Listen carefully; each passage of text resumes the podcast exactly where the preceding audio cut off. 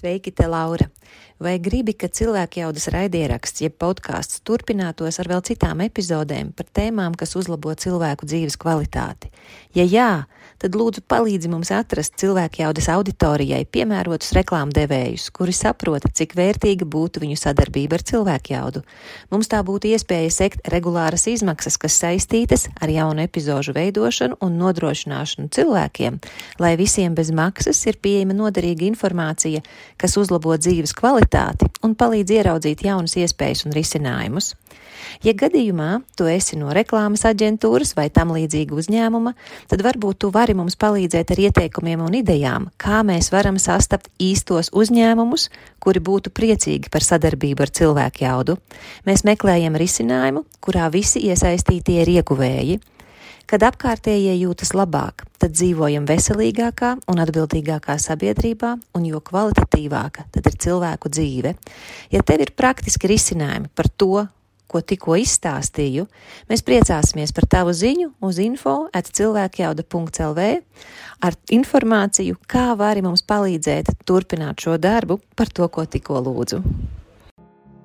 Nu, mums ir jāpieņem kā fakts visiem, visai sabiedrībai, ka suņi pilsētās dzīvos ar vien vairāk. Kaut kādā ziņā suņi mūsdienās ir pilnīgi tādu ļoti svarīgu sociālu funkciju, būt tādiem antidepresantiem. Tā galvenā kļūda, ko cilvēki pieļauj, ir vai nu noticis mītiem par suni, vai arī visbiežāk viņi paņem kaut kādu vienu īpašību no tās suņa. Klausīgs suns viņš veidojas no divām lietām. 5 līdz 10% ir apmācība, un 90 līdz 95% ir vienkārši nodarbināt viņu. Ja tu sunis ir pietiekoši nodarbinājis, viņš ir izskrējies, viņš ir mentāli noguris. Pastaigas, principā, galvenais ir izošņāties. Nē, tas ir svarīgs. Un tā jau ir diezgan liela mentāla slodze. Nu, ne slodze, bet tas ir interesanti. Viņš no aiziet pie kaut kāda koka, tur izlasa visu to Twitter lentu, ko viņam ir atstājuši viņa, viņa, viņa draugi. Viņš pats savējot tur tvītu atstāja un tālāk. Un, un, un tur ļoti daudz informācijas notiekās. Es savu suni integrēju savā dzīvē.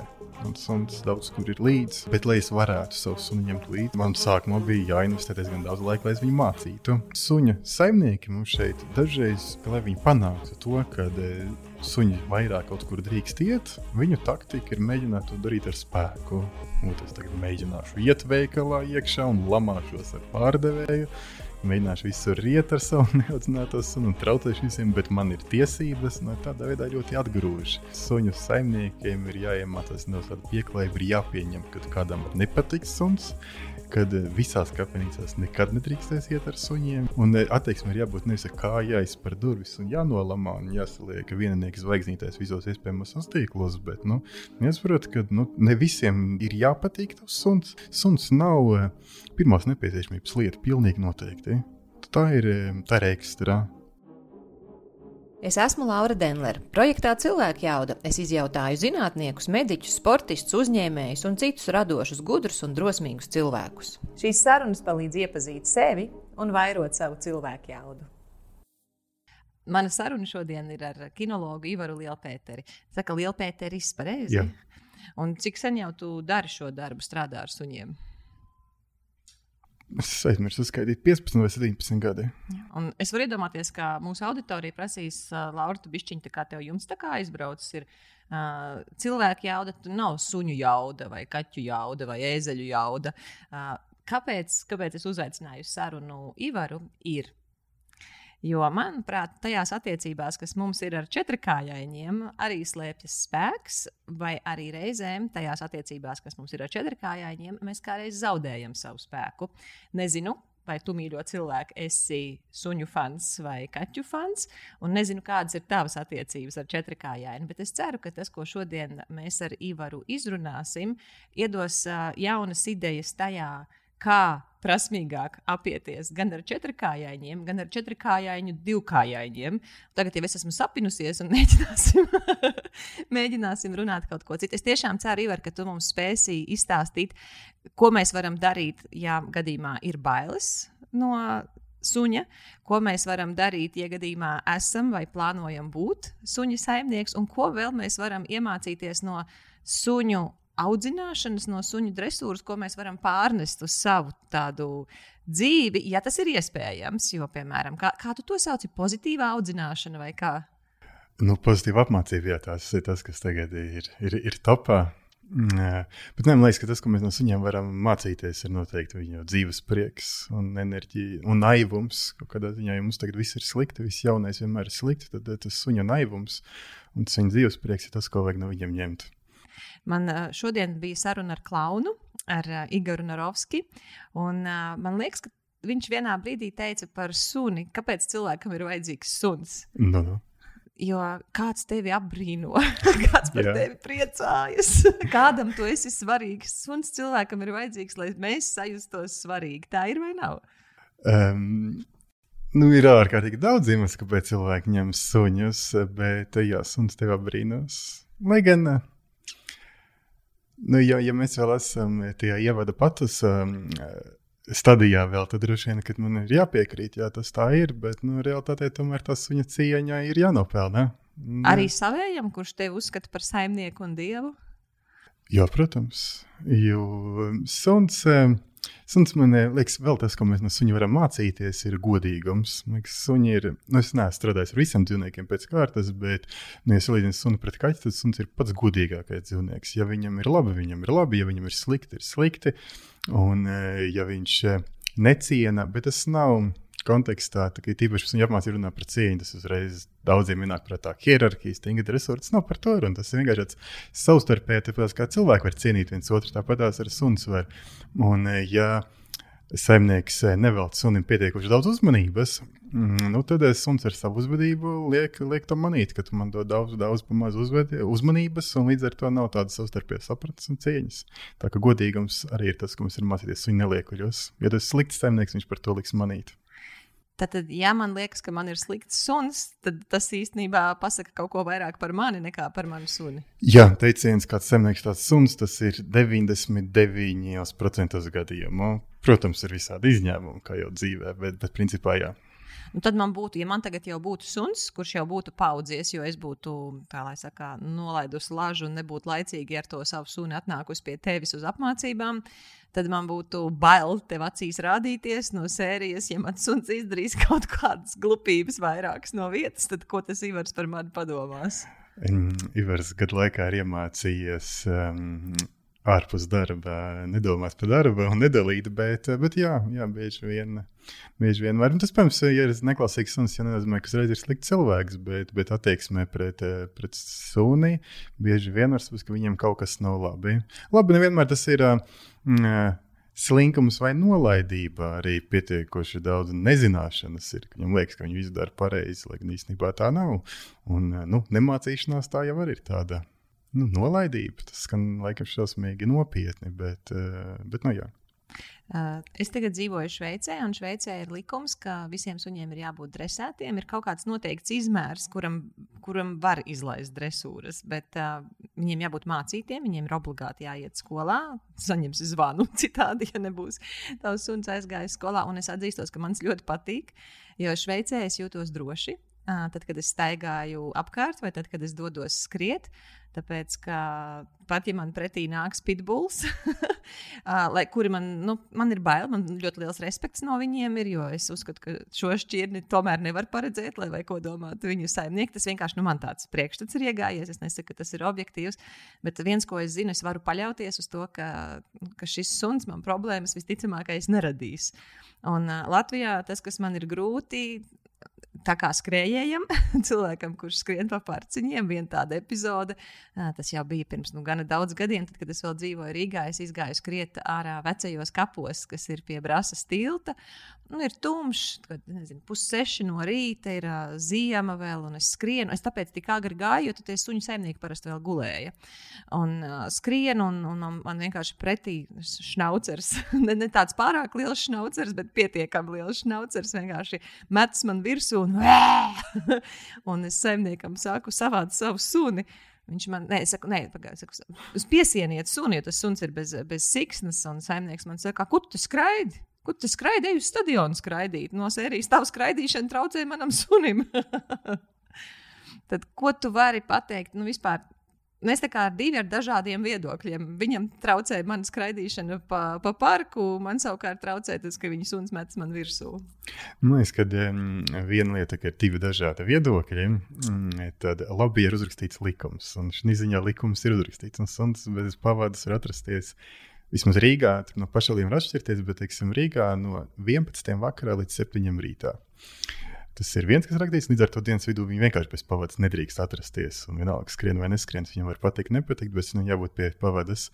Un uh, otrs ir, uh, es um, esmu diezgan slinks uz likumu lasīšanu, un līdz ar to es esmu precīzi noticēt, bet doma bija vēl, ka tur rakstīts, ka suns ir bez pavadas, uh, tad eh, viņš, viņu ir jāvar kontrolēt. Un līdz ar to, ja tev suns dienas vidū vai pēc septiņiem ir bez pavads, un viņi nevar kontrolēt, jau kā minimums divus, eh, divus likumu, ministrs kabineta noteikumu pantus. Jā, bet tas pārkāp. bija pirms septiņiem no rīta. Līdz ar to. Nu, tad tikai vienu.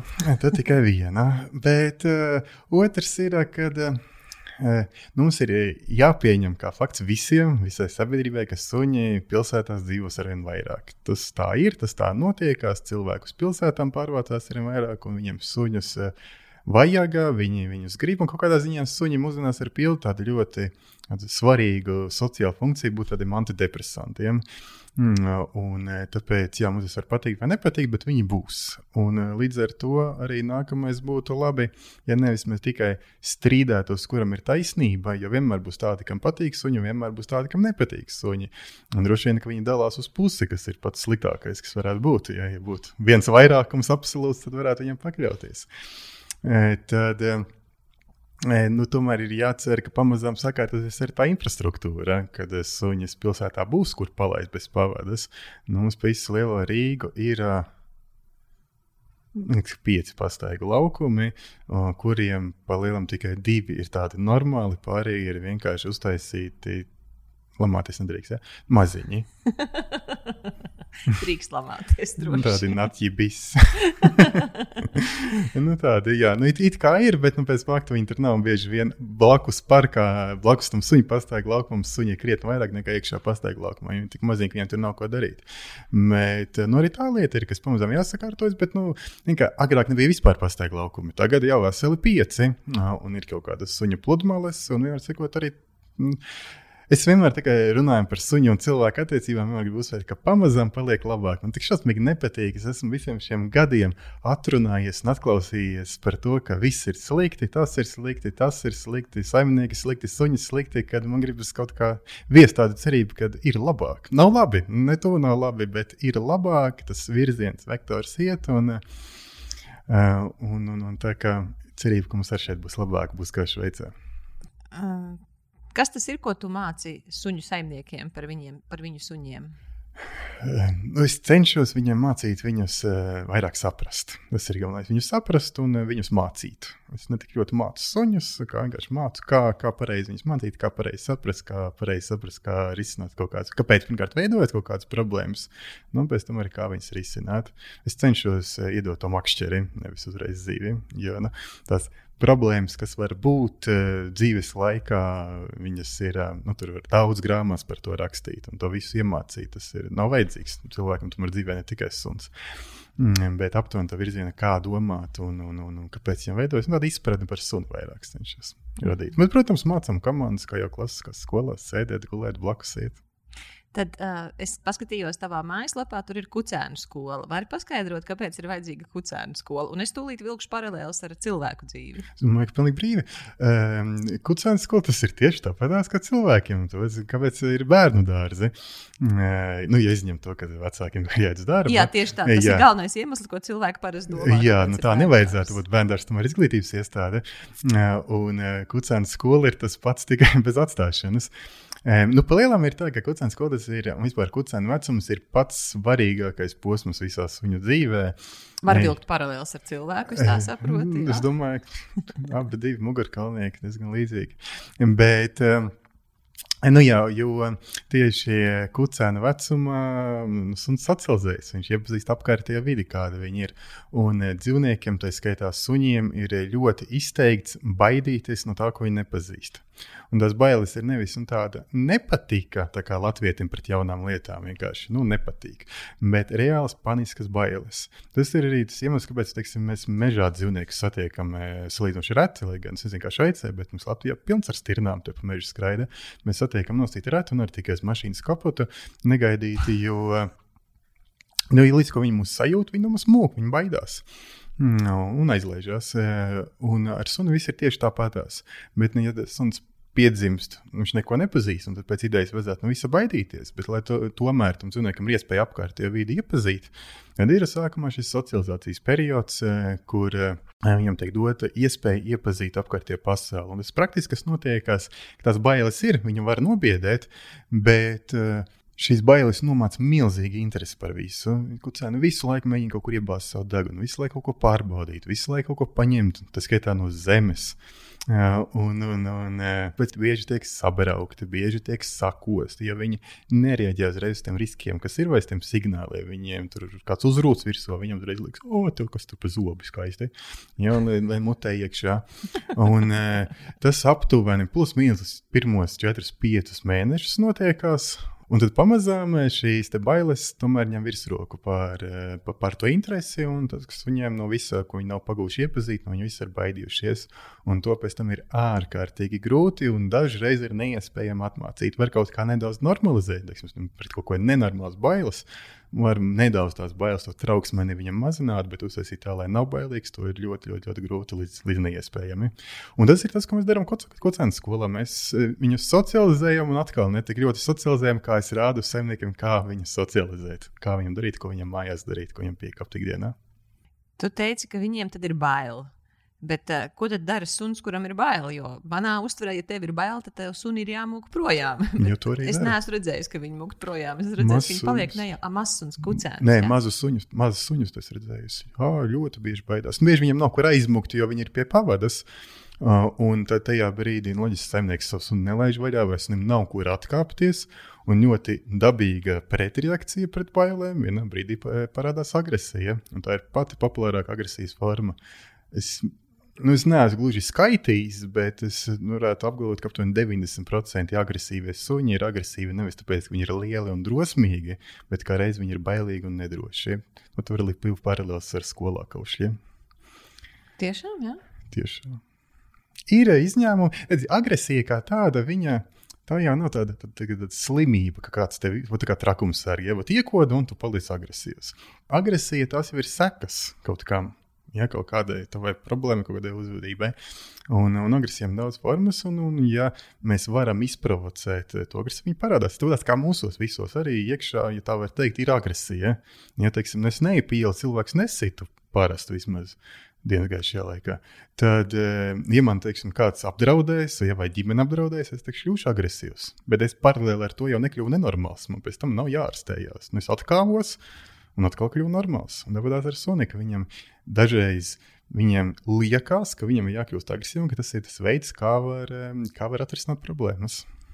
Es atceros, man bija 8 vai 9 gadi. Es dzīvoju nelielā ciematiņā pie tuberkulozes slimnīcas, kur salīdzinoši netālu ir līči. Suņu patversme, kur ķēra, ķēra un lika klaiņojošos suņus, un tad laiku pa laikam viņi izkārpījās cauri pa, pa apakšu. Uh, Un tā kā mums ciematā regulāri klaiņoja dažādi suņi, un viens bija tāds, nu, tāds gadījies kaut kāds īpašs nešpatns, un viens vilks, nu, vilka tipa, droši vien viņš nebija nekāds tīrais vilks. Un vienā vakarā es tam sunim gadījos ceļā. Uh, Un, uh, es biju pilnīgā bezizējas situācijā, jo viņš man nu, klupa virsū, bet nu, tā salīdzinoši mazāks cilvēks tajā laikā bija. Un es atceros, ka man bija vecmāma uzadījusi dubultos dūrēņus, nu, kas ir adīti cimdi, jā, nu, vienkārši dubulti. Un toreiz man tajā izmisumā man likās, ka man ir stipri cimdi, kas tur nu, nekas no suņa zobiem nepasargās. Un tad viņš man nāk virsū ar atriestu rīkli, un es tajā savā bērna bezizējā man nav kur likties. Es viņam dūri iecirtu tieši rīklē iekšā. Un, uh, viņš vienkārši aizmuka. Lai gan pirms tam viņš tur bija nu, nobaidījis visus, vai tas ir tas, ko tu saki, ka viņš ir tāds un bailīgs? Te var redzēt uzreiz divas lietas vienlaicīgi. Ja pirmkārt, tev arī bija tā pati baila agresija, nu tu sīti suni. Man jau agresīva. Nē, par to jau nav runa. Par to nav runa. Protams, kad ir sev jāizstāv, bet tas ir fakts līdzīgi kā sunim, tad, kad viņam bail, viņš arī kļūst agresīvs. Tā kā tu to sajūtu izjutusi un praktiski pielietojusi. Tas ir viens, un otrs ir redzēt, ja suns tiešām nāktu tev virsū ar domu tevi iznīcināt, viņš to kā minimums būtu mēģinājis darīt. Ja vienu bērnu sitienu izdevās viņu aizbiedēt, tad var redzēt, cik viņš bija nepārliecināts pats par sevi. Viņš ticamāk vienkārši no tā, ka viņš ir aizmutis. Viņš jau tas nav tā kā cietumnieks aizmutis un priecīgs par brīvību. Suns viņš ir bara dzīvnieks un teritoriāls dzīvnieks, viņam patīk dzīvot savā teritorijā kopā ar savējiem. Un, ja viņš nav tajā savā ierastā zonā, viņš ir uh, ierastajā vidē viņš ir ļoti, ļoti nedrošs, ļoti nobijies. Tāpēc uh, no tev, protams, paveicās, ka tā izdevās. Bet, jā, jā, es būtu varējis dabūt. Uh, jā, bet, bet nu, redziet, bija agresīvs suns, kurš it kā nāca virsū, bet tik viegli, nu, nosacīti viegli tev izdevās viņas. Bet tas parāda jā, tieši to, cik viņš bija nedrošs. Varbūt tad paskatīsimies uz to, nu, kas tad vispār ir suns. Jo cik es skatos uz suni, tad uh, ir tā attieksme, ka suns ir uh, pirmais pieradinātais uh, dzīvnieks uh, cilvēkam, vai tas ir taisnība vai nav. Es nezinu, es tā kā tu man zvanīji, un šī jautājuma uzdevi. Es par to aizdomājos, un tad es kaut kā aizdomājos par zirgiem. Bet, bet es nezinu, nu, ja tā godīgi, kurš ir pirmais. Zinu, ka suņi ir aptuveni 15,000 gadu atpakaļ. Gan man tas liekas, nu, pieradināti. Skait... Jā, aptuveni sāka radināt mm -hmm. 15,000 gadu atpakaļ. Gan tas skaitlis man ir Nu, kā viņi zina, 15,000 gadus, bet nu, tur atkal laikam citi zinātnieki to nodarbojas, viņi to var saprast. Tas liekas, tas skaitlis tik ļoti milzīgs, ka 15 vai 5,000 viss viens. Bet nu, tas ir aptuveni 15,000 gadu atpakaļ. Ot, kā ar zirgiem pašam interesē, kad viņi sāk radināt. Un tas, kas man vienmēr šķiet ļoti jocīgi ar suņiem, ir, cik viņi ir dažādi. Nu, piemēram, ja es paņemšu, nezinu, mazo, kas tur či, čihuahua vai kā viņi tur sauc, un lielo dogu, abi suņi. Un tad es iedomājos, ja es paņemu, es varu meklēt nu, ļoti atšķirīgus cilvēkus, bet nu, tik liela atšķirība cilvēkos man būs diezgan grūti atrast. Tad tie būs kaut kādi daži individi, bet ne jau nu, kā, nu, dažādas. Kā lai es nosaucu tos cilvēkus? Rases, varbūt tās, varbūt nezinu, nācijas, tautas, tauti. Nu, es, kā. Eh, pirmkārt, es domāju, ka mēs būtu krietni dažādāki, ja mēs tik ļoti neceļotu. Es tā pieļauju, tas mums viens variants, kāpēc cilvēks tomēr ir tieši līdzīgi. Nu, tāpēc, kad mēs te krustojamies un pārojamies, ja suņu terminoloģijā runājot, ja, pa labi, pa kreisi ar visiem pēc kārtas no, no visām nācijām, kas mums ir diezgan izlīdzinājusi. Ja mēs dzīvotu katrs savā nostūrī, es domāju, mūsu atšķirība būtu krietni lielāka. Bet nu, lielākā atšķirība starp sunām cilvēku, kad es suņi selekcionēti tiek diezgan mērķiecīgi. Tā ir viena diezgan liela atšķirība starp jebkuru citu dzīvnieku. Nu, varētu par kaķiem runāt, bet tur vairāk tāds uz dekoratīvo jau aiziet. Tas, ir, tas bija šīs savādāk, bet suņus radīja, lai viņi praktiski kaut ko darītu ar kaut kādu mērķi, un viņi ir ļoti mākslīgi radīti. Un viņus ir ļoti mākslīgi uztur. Ja, tādas, ja nenotiktu selekcija, nebūtu šķirnes un necenstos noturēt, tad tās čivabas drīz vien nebūtu vairs tik mazas. Viņas atkal būtu, viņas izlīdzinātos jau palielināt. Kā man šķiet, kad tagad cilvēks izgudroja suni, nu, protams, tas nebija tā izdomāja, ja, bet tā izdomāja, ka viņš bija aptuveni vidēja auguma suns. Uh, nu, jau tad, kad nu, negluži pirmā paudze pēc vilkiem, ja, bet jau, jau mērķiecīgi saprot, tas mūsu darbs dzīvnieks, tad sākās kaut kāda selekcija. Tas tomēr tas bija vidēja auguma suns ar spicām ausīm, garu degunu, garu asteni, pārāk augstu un vidēji apmetojama. Un tas ir iemesls, kāpēc man liekas, ka šādi suņi, kas atbilst šim aprakstam, ir visveselīgākie. Uh, un, uh, ja nenotiek selekcija, tad palielam uz to arī atgrieztos. Un to var, nu, var, varat patvērsmēs. Tas ir palielam vidējs patvērsmes suns, kur notiek ļoti daudz nekontrolēta pārošanās, un pie tā atgriežas. Tā kā tas ir mākslīgi radīts, mazs suns un liels, bet radīja ļoti uh, praktiski iemeslu dēļ. Es baidos tagad izlikties pārāk gudrs un pateikt, ka katra šķirne, kāpēc radīt, viņas tur pār pa 300. Bet, uh, Bet katrai šķirnei bija kaut kāds iemesls, kāpēc viņa tika radīta. Neviens suns sākotnēji netika radīts, nu, tāpēc, ka pamēģinām, kas sanāks, jā, vai, vai, vai smuki izskatās. Vai varam dabūt, teiksim, jā, vai varam dabūt degunu? Vai... Jā, tas šobrīd tā notiekās. Tā... Tikai izskata dēļ, jā? Protams, jā. Nu, cik mūsdienās suņi daudz strādā? Ir nu, policija, protams, strādā, robežsardze strādā, muitā strādā, ugunsdzēsējiem pro ir produktu meklētāji. E, produktu? Nu, tad, kad uh, lidostā tu ej cauri, tu, piemēram, ielido Jaunzēlandē, kur tu nedrīkst ievest pilnīgi neko no augļiem un, un dārzeņiem, tad tur, man liekas, kā tas suns uzodīs man algu? Viņš taču tā, tā nav gaļa. Viņš uzož tā, ka pamaz neliekās. Nu, nu tad tu tas- maksā baisākās soda naudas. Ai, es nezināju, ka produktu. Es zinu Un- tikai, ka mūsu valsts ieņem dienestā ir uh, suņi, kas meklē naudu. Ja? Es tādu arī gribētu. Jā, viņi jau meklē naudu. Es ar tādu tagad gribu. Diez, tāda apmācība diezgan dārga sanāga, bet, bet jā, metodas aptuveni es nojaušu. Varbūt kādreiz pamēģināšu sunu, kas meklē naudu. Viņš gan nav iemācījies saprast, cik daudz naudas ir eh, tavā kredītkartē, bet, skaidri, skaidri nauda Meklē kontu. Jā, jā, jā. pinkodu. Uh, jā, bet, eh, bet nauda ir. Nu, ar skatu sunim, uh, Dārgons Pinols, viņš var meklēt jebko, ko mēs viņam iemācīsim meklēt. Bet, nu, jā, tad es tādu par to, ka tad uh, suņu mūsdienās tiek lietot ļoti šauri, un, teiksim, ganībām jau salīdzinoši maz izmantos viņas, lai gan izmanto lieliem ganāmpulkiem. Nav vairs, laikam, tik lieli tie ganāmpulki, nav viņi tik daudz. Nē, kur vajadzētu. Bet agrāk mums bija absolūti praktisks. Medīt, ganīt, dzīt, sargāt. Tiksim, sargsuns. Tā ir, man liekas, ka viena no tām lietām, ir īpaši tādā mūsu rietumu pasaulē, kur eh, suns nu, palielam ir vairs bezjēdzīgs. Sargs suns viņš neko vairs nevar nosargāt. Jo sargs suņus tā kā radīja, teiksim, lielus kaukāziešus un tādus. Viņus jau vairāk radīja, lai viņi aizsargātu no meža dzīvniekiem, no vilkiem un tā. Un to viņi arī labprāt varētu tīri labi tikt galā, bet aizsargāt no zagaļa. Mm, Nu, viņš neko neaizsargās. Žaglis viņu nošaus un viss tāds. Nu, nošaus, tas vēl ir tas baigi jau nopietni. Viņš gājis klāt, nu, naga, matu laku iepūtīs acīs. Jā, un Tā var es- tikt galā ar suni, matu, matu loku iepūšot Nu, acīs sunim. Jā, ko? Jā, pipargāzi iepūt acīs. Ja, piemēram, es līstu kaut kur uh, kādā vietā, nu, es filmās esmu redzējis, kur tur uh, smieklīgajās, kur ielien iekšā, un tur divi dobermaņi sargā. Tad vienkārši es varētu tos dobermaņus neutralizēt ar matu laku acīs iepūšot. Jā, diezgan. Nu, tur šausmīgi sāp. Klausies, nu vienīgais iemesls, kāpēc es biju domājis, ka man būs suns, jo man likās, tas dos kaut kādu drošību mājai. Tu tikko noņēmi man vienīgo iemeslu, kāpēc man Jā, tas eh, noteikti suns. nav iemesls, kāpēc vajag sunis. Pēc tam vēl otrs, man liekas, ka sarksuns, nu, sarksuns ir ierocis.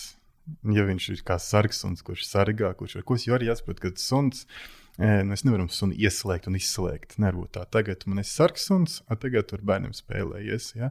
Šis tas piemērs, kas ļoti daudz stāsta. Ja viņš ir ierocis, viņam un ieroči var būt divi. Jā, var būt ūdens pistole, ar ko spēlējas bērni. Mēs nekad neaizsargāsim māju ar viņu. un Pat nemēģināsim. Tas tikai viens pats mājās, ja notikas laikam. Ja, tad, mm, un ir otrs variants, ka mums ir reāls īsts ierocis, ar to mēs varam aizsargāt māju, bet mēs nekad nedosim bērnam spēlēties. Tas būs tas pats dobermanis. Eh, Es atturētos no šķirnes saukšanas, lai gan ir dažas šķirnes, kuras varētu, ar, teiksim, Argentīnas dogs būt tuvāks. Ja mūsdienās, kā reizes saka, suņus, suņi. eh, Tik ļoti maz tiek likti lietā, likti darbā, ka viņam tās darba īpašības pamazām diezgan pazūd. Un pa lielam jau tā suņu selekcija tomēr iet roku rokā ar to, ko cilvēks grib. Mūsdienās cilvēki parasti negrib sarkas suņus. Viņi grib ģimenes suņus, ģimenes mīluļus, ar kuriem bērni skraidīt, bērni varētu skraidīt, ar kuriem var droši iet uz pilsētu, var iet uz kafejnīcu sēdēt, un līdz ar to arī pamazām tādi suņi paliek. Nu, šķirnes fanāti ir daudzi, kas par to ļoti pārdzīvo, ka, nu, man taču, mans dobermanis, ja, ka- kas, kas, viņš nav nekāda lelīte, ja viņš ir nopietns suns, bet, un tas atkal tas ir cits stāsts, vai tas ir labi vai slikti, bet tas ir fakts, kas notiek, suņi paliek miermīlīgāki, mīlīgāki, un, un, un tāpēc, vai es negribu konkrēti šķirnes teikt, bet vienkārši princips kā tāds sargs. Viņš ir, viņš ir ļoti, ļoti nopietna tēma un nopietns, ja grib. Vai tas nav arī tāds kā, sava veida spogulis mūsu sabiedrībai, ka arī sabiedrība kaut kādā ziņā paliek uh, miermīlīgāka, mierīgāka? Nu, runāt tieši šobrīd par to, atrodoties tik tuvu. Jā, saprotams, ir, nu- ir tā nosacīta. Es domāju, ka kaut kāda sabiedrības daļa noteikti. Es domāju, Noteikti. protams, ir, ir. Bet, ja arī, piemēram, tad, kad es ceļoju, es nekur neredzu tik daudz šos cīņas suņus, tik cik es viņus redzu Austrum Eiropā. Citās valstīs, nu, protams, viņi ir kaut kur, bet uh, salīdzinoši es vairāk redzu šos mīļojamos suņus. Es, es domāju, ka tas atkal, nu, tas gan ir manas, tas var, nav kinoģija, bet, bet tāds manas sajūta par to, ka tas ir vienkārši atkal mazvērtības kompleksi un tās problēmas ar agresiju kā tāda. Ja tev viss dzīvē ir kārtībā, tev nevajag liela suna, kurš izskatīsies briesmīgi. Ja te tev, te, ja tev viss ir dzīvē kārtībā, tad pilnīgi vienalga, kā priekš citiem izskatīsies tavs suns. Uh, un, jo ir, protams, daudz cilvēku, kas, eh, nu, nevis daudz, bet ir cilvēki sabiedrības daļa, kas ņem suni izskata dēļ, un, un plus, lai viņš izskatās briesmīgi. Un tā jau ir tāda nu, rādīšanās. Viņš jau ņem to suni, lai viņš izskatās briesmīgi citiem. Un, un, un tāpēc droši vien tas ir tāds jā, mazvērtības komplekss vienkārši. Un jo mēs dzīvojam drošākā, tādā nobriedušākā sabiedrībā, jo mazāk tādu suņu vajag. Vai tu vari pastāstīt savus novērojumus par to, kādus suņus izvēlās kādi cilvēki? Ja tas ir notiek tīri intuitīvi, ja tas notiek bez zināšanām, uh, Nē, nu kaut kāda zināšanas ir, kāpēc viņi izvēlās šo šķirni. Ko tu esi novērojis? Varbūt tās ne tieši ar taviem klientiem, bet varbūt, nezinu, kaut kādos viņa agrākos laikos. Pirmais, es gribu pats sevi palabot, papildināt vēl par iepriekšējo tēmu, kad nu, par cīņu suņiem mēs tur pieminējām, un viņas ņem cilvēku mazvērtības kontekstu. Protams, ka nevienmēr. Ir cilvēkam tie suņi pateikt tādi, kādi viņi ir. Šķirne ir Tieši tā, tā šķirne, jā, raksturs. Tāpēc nevajag ieraugot Staffordu uzreiz padomāt slikti par saimnieku. Tas tā vien nevienmēr ir. Bet, nu, jā, tad kāda, kādas suņas izvēlās? Pa lielām no cilvēki cenšas izvēlēties suņus, kas atbilst viņa raksturam tā brīža. Un saka, nu, ne raksturs, nu, raksturs tā skaitā kaut kādiem viņa ieradumiem. Mūsdienās cilvēki ļoti vairāk cenšas suni integrēt savā dzīvē.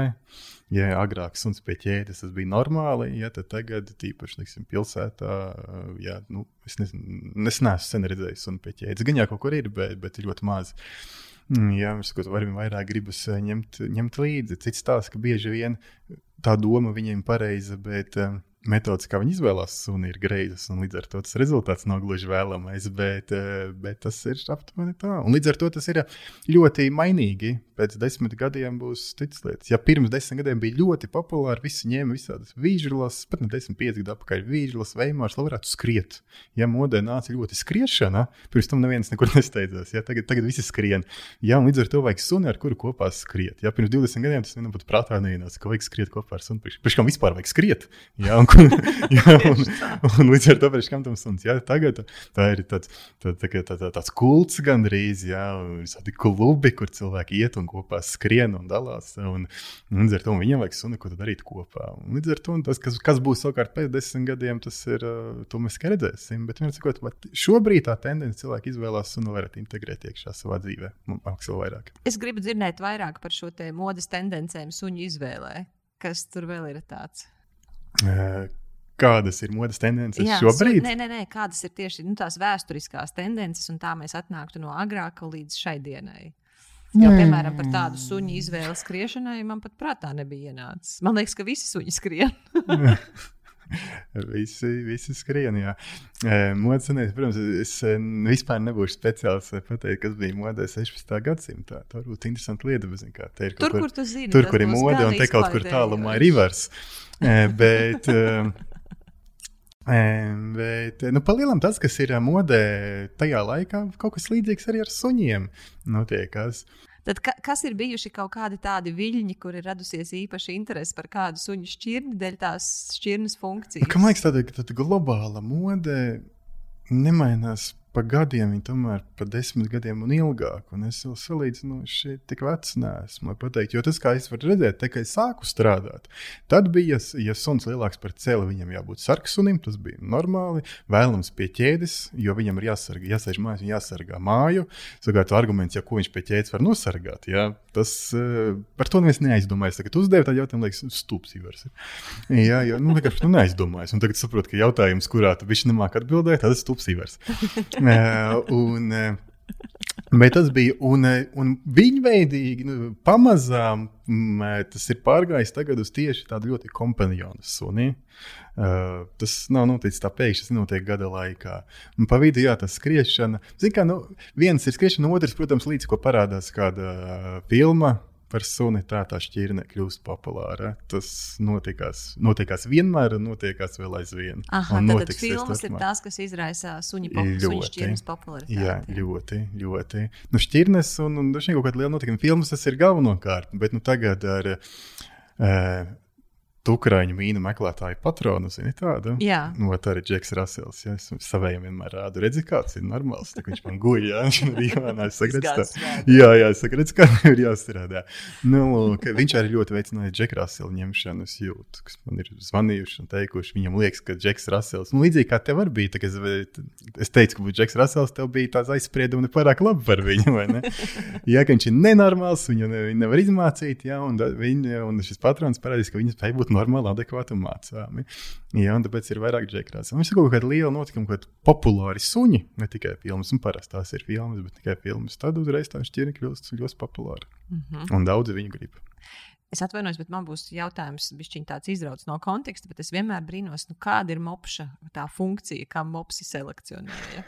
Ja nemaldos, eh, varbūt tas nav pats pats pirmais viņu misija un uzdevums, bet vienu ilgu laiku viņiem tiešām uzdevums bija sildīt mūkus. Sildīt mūkus? Jā, viņi viņus ņēma zem savām kleitām, jo tur tie kalnos, cim redzot, ir augsti. Tad viņi ļoti mierīgi, jauki viņus tur sildīja. Viņus. Un kāpēc viņam tā, tā, tā, tas purns tāds saspiests? Pūraņš saspies atkal ir vispār veidojis ne tikai mopšiem, bet arī suņiem, jo suņus bija tāds novirziens, tomēr nu, pat ne novirziens, tā netieši acīm redzot, mēģināja radīt līdzīgus cilvēkiem. Un tāpēc viņai vēl aizvien patīk. Ir cilvēkam šāds saspiests pūlis, veido tādu nepatīku riebumu, bet, bet kopumā viņš ir līdzīgāks cilvēkam. Tā kā cilvēka seja tā. Jā, jā, jā, jā, un tas rada kaut kādas neapzinātas simpātijas. Man ir grūti komentēt, vai tas tiešām tā notiek. Varbūt psihologam jāprasa, bet tas ir tas, kādēļ šādi suņi sāk veidoties. Labi, tad es pārbaudīšu vēl dažas lietas, ko es esmu dzirdējis. Vai mm -hmm. viņas saki jā vai saki nē. Es esmu dzirdējis, ka ir tāda suņu šķirne, ko selekcionēja aristokrāti, lai tas uh, suns paši nedrīkstēja zakt viens no otra kaut ko, bet tā suņu šķirne nu, caur suni drīkstēja zakt. Tad viņi tā kā selekcionēja tādus suņus, lai uh, tas suns vēl vairāk nozagtu tam otram, un tā līdz šai dienai tas suns ir tāds nu, zaglīga šķirne. Vai tas tā varētu būt, jeb nē? Pirmo reizi ir tāda fakta, ka neviena apstiprināta, nenoliegta. Bet es maz nebrīnītos, kad meklēju kaut kādu argumentu, lai varētu fenderēt Mums ir marķīši, kas zog, bet par suņiem es tiešām nebiju dzirdējis. Vēl viena lieta, ka pirms kāda laika mums cilvēki jau dā bija viesņa, kurai ļoti, ļoti patīk staigāt. Ļoti daudz viņai patīk staigāt, lai viņa daudzāk staigātu. Viņ, viņ, viņai bija arī suns pekīnietis. Un es teicu, man nebija ienācis prātā, Pekinietis ir vienīgā šķirne, ko es varētu iedomāties. Man ļoti patīk staigāt, un viņi man teica, neņem to suni, jo tas sunis nestaigā. Jo, š, kā viņi man teica, šo suni radīja, lai, uh, lai viņš vienkārši sēž blakus imperatoram un ir skaists. Un ka šis suns ciest nevar staigāšanu. Ja viņu var nesāt riņķī, bet viņš nestaigās riņķī. Nu, var pilnīgi nestaigāšanu. Protams, ka tā nav. Visi suņi var staigāt, un tas ir viens no lozīm, ko es saku. Suņiem ir četras kājas, viņi iet ar savām kājām. Tas ir viens no galvenajiem iemesliem, ir kā lamāšot. Ļoti apzināti, kāpēc mazie suņi bieži vien ir debīli ka viņi visu laiku staigā par rokām pa, un, un, un vispār neuzvedās, nu, neuzvedās kā normāls suņi. Nē, pekiniešiem un visiem suņiem bez purna, ja pekinietim arī nav, viņam arī uz iekšpusi ir tā kā sienā ieskrietis. Viņiem, viņiem visiem ir ļoti saspiesti elpoceļi, ļoti šauras nāses, un līdz ar to it īpaši karstā laikā viņi elpojot, viņiem gaisa neatdzesējās. Tādu karstu kā ir, viņi vēl pik iekšā, viņiem šausmīgi grūti šajā karstumā. Pa lielam. Uh, Nu, principā gan visi, visi suņi ar plakniem deguniem, viņi visi ir jau piedzimuši slimi. Viņi visi ir, kā, principā tas dienas degums, tas ir defekts, nevis efekts, tas ir nepareizi, tā nevajadzētu būt. Bet te atkal ir mūsdienu tendences, jo agrāk tie paši mopši Amdīt, ja pastāstīs vecās bildes, mopšiem, viņiem, viņiem bija plakanāks pūris, protams, bet ne tuvu, ne tāds, kāds ir šobrīd. Viņiem bija deguns, vismaz tagad viņiem vispār nav. Ja, tad viņiem bija deguns. Un savukārt mūsu uh, cilvēku būtība tā ir, nu, ja viņam ir plakans, nu, tad maksimāli plakans. Ja viņš ir liels, nu, tad maksimāli liels. Ja viņš ir mazs, tad viņš ir maksimāli mazs. Ja, teiksim, tāpēc lielie suņi ļoti bieži cieš ar visādām kaula problēmām, locīto problēmu. Viņi nespēja to savu masu nest. Mm, mazie suņi atkal ir ļoti daudzi mazās šķirnes suņi, kuri piedzimst, viņam visu dzīvi neaizverās ciet avotiņš. Jo vienkārši viņus taisīja tik maziņus, kad vienkārši tas saturam vairs uh, nav kur likties, un avotiņš paliek visu dzīvi vaļā. Un visā citās problēmas. Tā kā tāds maksimālisms ir uh, nu, cilvēka laikam būtība, mēģināt kaut ko piespiest. Bet, nu, jā, gara atbilde par. Uh, Man liekas, ka tā ir lieliska atbilde. Par kuru šķirni mēs jau runājām? Par šicu, ja? Nē, tas bija pekinietis. Ah, pekinietis nav viņa līdzīga. Tad, jā, pekinietis, kad viņiem ir īpaši karsta laika, viņiem tiešām ir ļoti grūti, un augstā laikā atkal viņiem ir maziņi, viņiem ir mazas kājas, viņiem ir nosacīti grūti staigāt, un vispār man liekas diezgan. Tīpaši, ja nenotiek kārtīga, laba selekcija, atbildīga, tad diezgan mokoša dzīve. Grūti elpot visu dzīvi. Tas, ka viņi tur rupšķi, teiksim, mopš tur izīm staigā.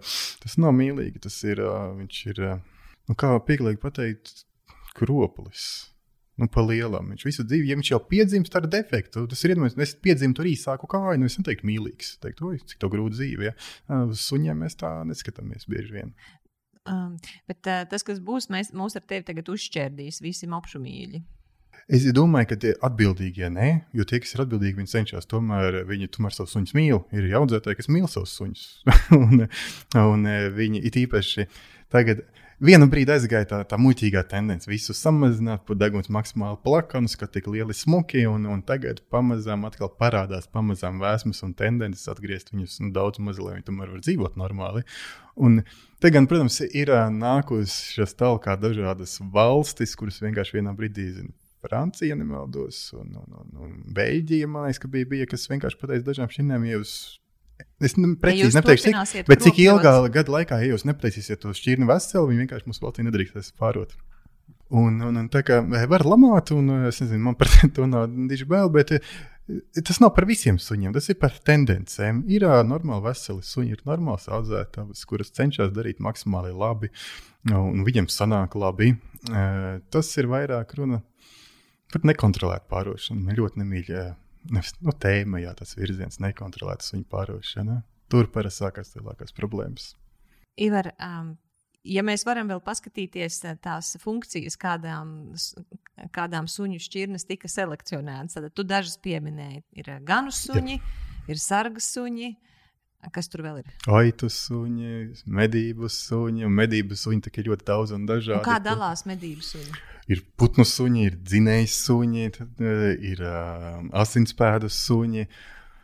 Un uh, kas mums tur vēl ir? Es te varētu aizmirst. Štavus, kas tur bija tie, kas alās lien? Jā, alus suņi, jā, takši un, un tam līdzīgi.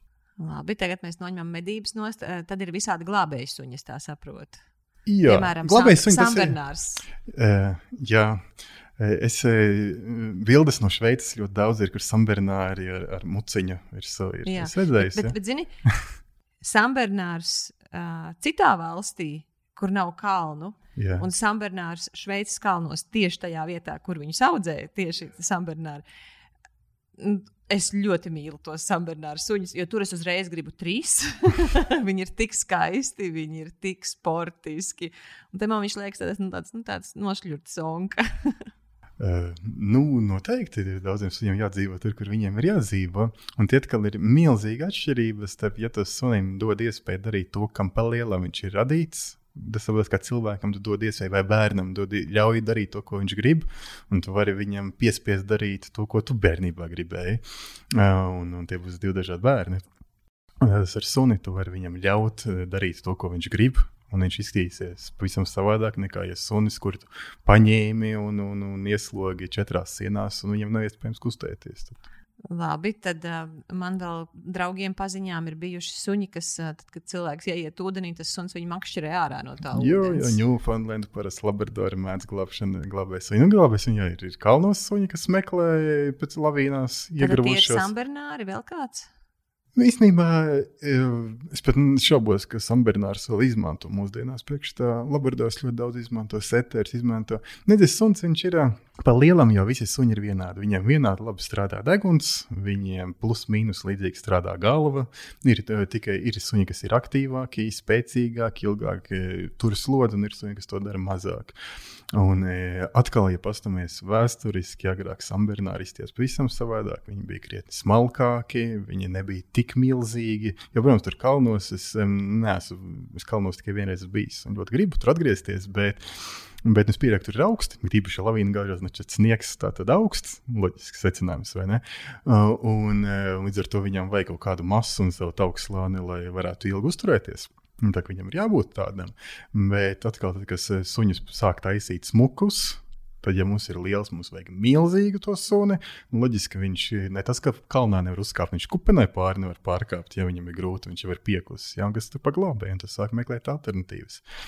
Tā kā izman, pri, pa, principā, tad, kad uh, tagad skatās darbu suni, ļoti maz pievērš uzmanību šķirnei. Skatās uz konkrētu suni. Viņš var būt sambērnārs, viņš var būt kaut kāds no patvērsmes suns. Ja viņš labi atbilst tiem noteikumiem, kādi ir vajadzīgi, viņš ies un strādās un samācīs. Tad, kad es domāju, ka es varētu ņemt suni, tad man liekas, vispareizākais būtu ņemt suni no patvērsmes un dot sunim otrās mājas. Bet tagad ar to stāstu, ja tas suns bērnībā nav iemācījies socializēties, man tādas normālas. Uh, bažas ir. Jā, es, lai gan es esmu daudz gadus palīdzējis patvērsmē, tagad ik pa laikam šeit kaut ko nedaudz, nedaudz piepalīdzu.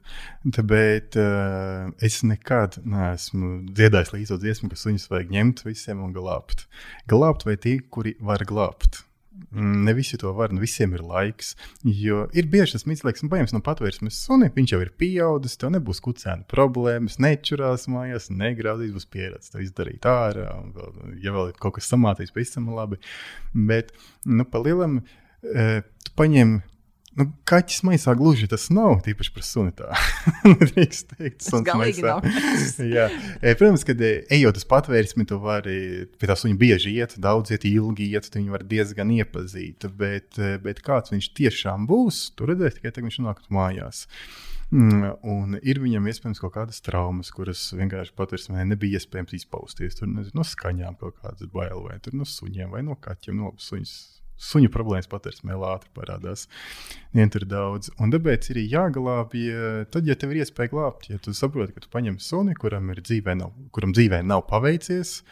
Un, un tev ir iespēja viņam palīdzēt. Nevis paņemt suni, tāpēc, ka tā ir vieglāk, vai, vai vienkārši tāpēc, lai es savu karmas punktu vāktu. Jo, jo ļoti daudzi šādā veidā aplaužās. Un, teiksim, konkrēts piemērs man aizvakar zvanīja. Tā zvana man ir daudz.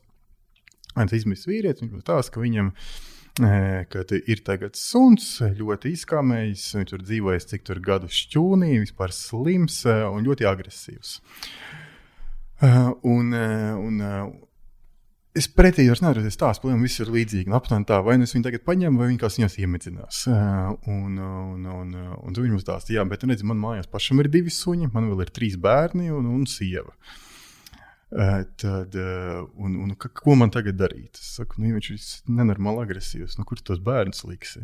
Jā, tad nu, tur jāsaprot, vai tu vari palīdzēt vai nē. Un viņš noteikti šim sunim palīdzēt, manuprāt, nav racionāli. Viņš var kādam citam palīdzēt, ja, bet vai, vai finansiāli var palīdzēt kaut kādā. Vienkārši patvērsni pārskaitot naudu, bet, bet neņemot suni. Tāpēc glābt vajag ļoti apzināti zinot, ko tu glābi un ko tev tas prasīs. Un ar ko ir jārēķinās, ņemot suni no patvērsmes cilvēkam, kuram tas būs pirmais suns viņa dzīvē? Un varbūt tās tas suns, nu, piemēram, man suņi ir bijuši vairāki, tad, kad es biju bērns, varbūt jau nu, jaunietis. Bet tad arī viss.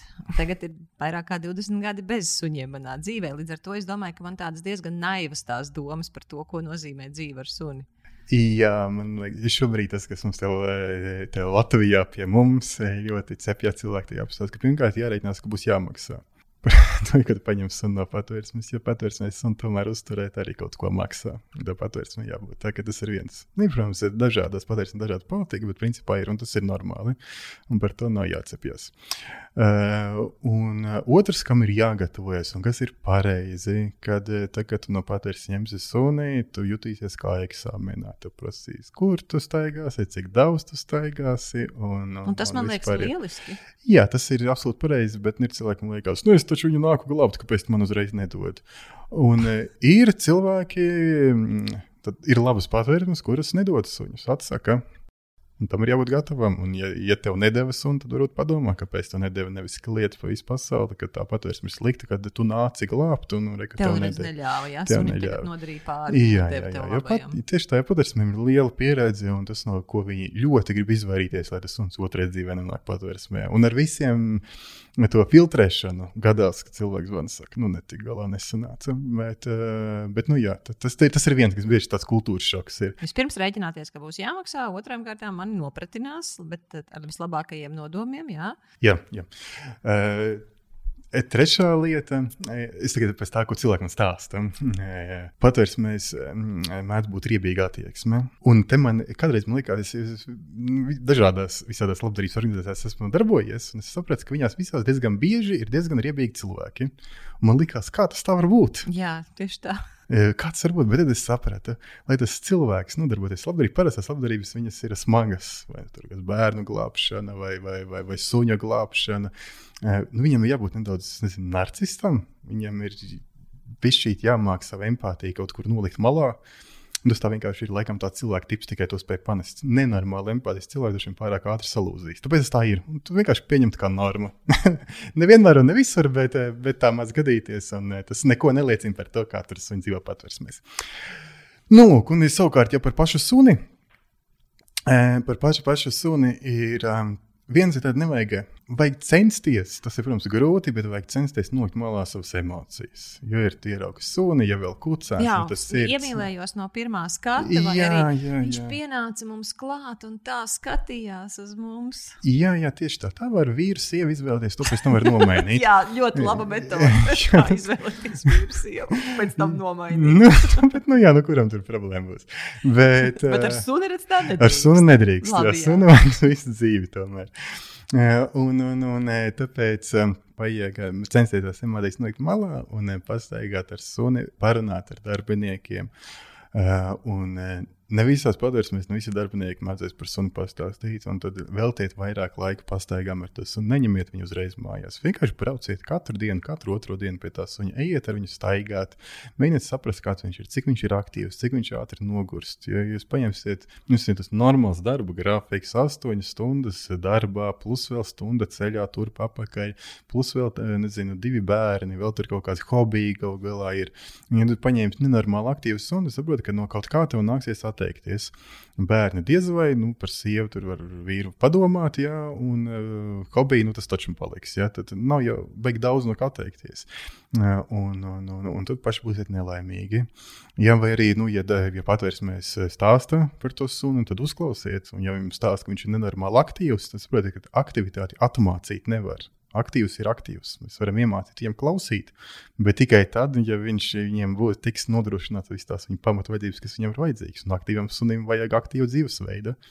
Un, principā, jo aktīvāks suns, jo lielāks hobijs tas suns priekš jums būs. Jums vairāk laika vajadzēs viņam veltīt aptuveni tā mēģināt izsākt, eh, vai, vai jūs to suni, vai tas ir tas, kas jums ir vajadzīgs. Nevis tas, ko jūs tajā brīdī gribat, bet tiešām tas ir tas, kas ir vajadzīgs. Nu, un trešais, ar ko jāreikinās no patvērsmes, eh, ņemot, jā, ka var izlīst ārā kaut kādas lietas, kas iepriekš nemaz patvērsmē nav novērotas, jo patvērsme tomēr nav normāla suņa vide, lai kā tur darbinieki censtos viņu uztaisīt. Tas vienkārši praktiski nav iespējams.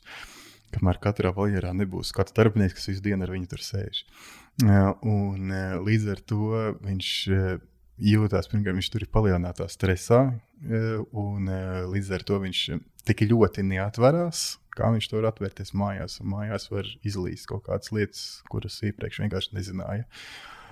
Uh, un uh, vēl jau tāds, ka sākums būs grūts, visticamāk, uh, jo suņi, nu, viņi nezinās, ka viņi ir izglābti.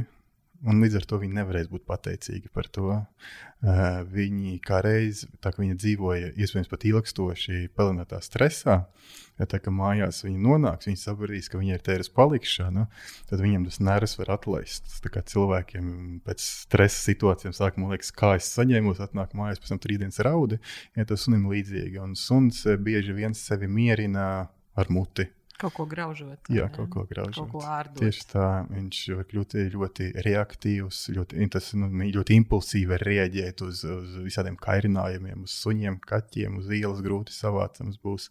Vienmēr sakot, ir rēķins, ka sākums ļoti iespējams būs grūts. Bet, eh, ja jūs paņemat, teiksim, šķirnes sunu labiem audzētājiem kucēnu, tur sākums nav neko vieglāks. Tur viņš ir savādāks vienkārši, bet tieši tās jāvēlta laiks, tieši tās jāmāca viņu. Tā kā tas nav stāsts par, kas ir vieglāks vai, vai grūtāk, bet, bet vienkārši. Nu, Atšķirsies tā. kāda veida grūtības. Jā, tieši ja? tā. Tagad mums sanāca laba antireklāma suņu ņemšanai no, no patvērsmes. Jā, es tā negribēju. Man jāpasaka kaut kas labs. Eh, jo ne, es, eh, man tiešām, tas ir tāds mans dzīves burbulis, jo man tiešām ļoti daudz eh, zvana un prasa par patvērsmes suņiem cilvēku, kuriem taču nevajag, kuriem principā vispār suni nevajag. Kur, kur no no patvērsmes? Nē, no patvērsmes vajag ņemt suņus. Viņi tā glābšana, tas ir ļoti labi. Un, Bet varbūt es gribētu teikt, ka no patvērsmes nevajag ņemt sunu, lai glābtu. Man ir kaķis no patvērsmes. Es nekad neņemšu sunu no patvērsmes, tāpēc, ka nu, tu, tu man sāks palikt viņus visu žēl. Tas, tas var beigties ar to, ka man mājās būs patvērsme. Nu, tāpēc es jau tā, tādu barjeru esmu nolicis. Jo es tie patvērsmes diezgan bieži esmu. Bet, bet kaķis man ir no patvērsmes, un es absolūti negāju viņu glābt. Nu, Kā tad viņš tev atnāca uz tā mājas? Mēs vienkārši ar sievu runājām. Vieno, nu, mēs vienojāmies, nu, mēs pateicām, un viņa piekrita, ka mums būs kaķis. Un, un viņa teica, nu, tik un tā viņa paņems. Teica, nu, jā. Tad es savācu, mums bija kinologa koncilijas, un mēs gājām pakaļ izvēlēties kaķi. Kinologa koncilijas aizgāja pēc kaķa. Jā, jā viņš tāds diezgan sunisks arī ir. Tas negluži reizes, bet, eh, bet jā. Un, un, un ko kinologu koncilijas jēdz no kaķu paņemšanas? Eh, absolūti neko. Bet tas ne, neliedz faktu. Drošāka sajūta. Jā, bija drošāka sajūta. Un tomēr, ja es pasaku, es esmu ar konciliju, tad tas ir uzreiz nu, savādāk. Uh, un tas koncilijas arī mēs bijām divi. un, bet, bet, nu, jā, tad, tad es viņu negāju glābt. Es vienkārši es gribēju kaķi. Es, jā, bet es gribu saprast, kāpēc tu suņu mīli gribēji kaķi. Ļoti labs jautājums. Man nejausmas. Droši vien tāpēc, ka man liekas, ka jebkurš mīlis, vienalga, viņš ir kaķu mīlis, suņu mīlis vai putnu mīlis, viņš kopumā ir dzīvnieku mīlis. Tāpēc es šaubos, ka tam var tik ļoti pieiet racionāli. Es gan nezinu, man būtu interesanti kādreiz paklausīties. Es nekad neesmu dzirdējis, kad kāds kaķu eksperts stāsta, kā izvēlēties kaķi.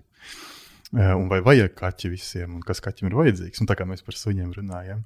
Bet, bet kaķis jau bija tāda nu, negluži ātri iegribas, kādu laiku par viņu domājusi ar sievu, jo, jo, jo viņi gatavoja tam nedaudz. Tomēr valībā bija daži gadi jau pieredze, kāds jādara. Un, un, un, tas bija diezgan tā, tāda iegriba, bez racionāla. Man nav peles, kuras ķert. Nu, tagad izrādās mušiņas viņš ķer ļoti labi, veiksmīgi, paralēli nogājušot no galda. Visu, tu esi kā gandarīts no savas, no, par savu kaķi? Jā, ļoti labi, ļoti labi izvēle. Bet pirmīt, pirms tam, kad tu ienāci, un es teicu, ka nu, tu suns, es tavam sunim, obītavam, teicu, ka, klausies, tu jau nezini, laikam, ka es esmu kaķu mīlis. un tad tu teici, jā, man ir ļoti tāds bezjēdzīgs kaķis. Nezinu, no kāda jēga vispār no kaķa. jā, es arī nezinu. Ja praktiski, ja mēs praktiski, es nezinu, kāda jēga. Duši, es nezinu, pieļauju, ka viņš ieraudzītu peli, viņš būtu pirmais, kas aizmūka. Bet, bet no, Kā, nu, ir tas praktiskums, kaut kāds to dara, dara, dara. Un vēl ir vienkārši mīļš, skaists. Viņš sēž vakarā uz vēdera. Tad īpaši tagad, kad ir plus 49 grādi vakarā, kad ir atzīts, jā, viņš tur sēž. Un, un, un, un, un tu izlaiž. Lai tev ne, nepietrūkst. Jā, un tad paijām, pēc tam tas viss spalvās un kaut kā, bet kaut kas tajā visā ir tāds. Es, duši, jo vairāk es par viņu stāstīšu, vairāk radīsies jautājumi, kam, kam, kam vispār dzīvnieks ir vajadzīgs. Bet, bet tas viss ir kaut kas tāds, kas, kas piesaistījis dzīvnieku, kas jau līdzīgi var teikt. Nu, Nu, nu, es, kas ir tā, ka mājās ir suns? Tev būs netīra grīda, tev būs spalvas, tev būs jāiet staigāt gan lietu, gan ziemā. Man būs viņam jākalpo. Tas nevis viņš kalpos. Jā, tā arī to var teikt. Tas ir ļoti svarīgi. Kā, kā, kā to pašu darbību vienkārši nozīmē, jā, tev būs jākalpo sunim, tev būs jāpienes viņa mēdienas, tad viņš būs jārastē, veterināri izdevumi drausmīgi dārgi. Nu, tas ir jā, kā vienkārši to visu pasniedz. Tad, kad cilvēks iet uz patversmi un cenšas ievākt informāciju par iespējamo savu suni, kas ir tās lietas, ko vajadzētu jautāt? Jo, ja nu tur pretī pagadās um, patversmes darbinieks, kurš nav īpaši runātīgs, no kura viss tā kā ar knīpstangām jāvelk ārā, kas viņam ir jāuzdod pa jautājumiem? Nu, tieši par konkrēto suni, tad pirmkārt tas, cik viņš ir, cik viņš ir aktīvs, cik daudz pastaigās viņam veltīt, kā viņš reaģē uz kaķiem, suņiem, cilvēkiem, bērniem, cik viņš ir draudzīgs. Tās plēvam tās divas galvenās lietas, kas, kas ir jānoskaidro. Nu, vispārējais ir vienkārši vispār par sunu ļoti daudz, kas jāzina pirms ņem sunu, bet tās būtu tās divas tādas specifiskākās, svarīgākās lietas. Kas vēl ir jāzina par sunu pirms mēs ņemam? Jo vienkārši uh, manā dzīvē ir bijušas epizodes. Uh, manā cilvēku lokā, kur jā, cilvēki, kurus es uzskatu par ārkārtīgi gudriem un atbildīgiem. Nenošāvuši rīktīgi reizi. Un uh, viņi ir paņēmuši suni, viņi ir paņēmuši arī ļoti dārgu suni, viņi ir investējuši suņu skolā un tā, un pēc apmēram gada un bišķi viņi šķirās no suņa. Mm -hmm. e, Plēm, jā, tas ir tēma, kā izvēlēties suni, es gatavojos. Ļoti labi. es tagad ņemšu spīkeri. Jo mūsu, mūsu mērķis ir, kā, lai tas suns cilvēkam ir lai viņš ir palīdzošs, vai lai viņu attiecības ir ved uz kaut ko labu, nevis uz kaut ko, nezinu, vai destruktīvu, vai enerģiju apēdošu, un kas nekompensē to enerģiju pēc tam, kad ir tās bēdas. Uh, nu jā, ja tā jau ir, protams, ka suns prasa daudz enerģijas, bet, uh, bet nu, viņš arī dod. Tas ir kaut kā līdzīgi droši vien ir ar bērniem. Vismaz man. Kaut kad man vienreiz uh, draugs arī jautāja, kam tev bērni? Ne, kā problēma netrūkst ar viņiem, bet nu, kaut kādā no otras puses viņi tik daudz ko dod. Nu, ne par to, ka vispār tāda dzīves tāda. Kaut kāda skatu vektori pamainījuši un prioritātes, bet, bet viņi dod tās emocijas tāpēc ar suņiem. Protams, suni ar bērnu slīdēt nevar, ir divas dažādas lietas, bet, bet kaut kā tas emocionālo to pacilātību viņi, viņi dod, un, un jā, tad ļoti labi antidepresanti. Es atceros, tad, kad uh, bija Covid un es lidoju. Uh laikā, kad vēl daudz lidojumu nebija, bija ļoti maz lidojumu. Un, uh, es pirmo reizi redzēju lidostu, kurā nebija neviena bērna.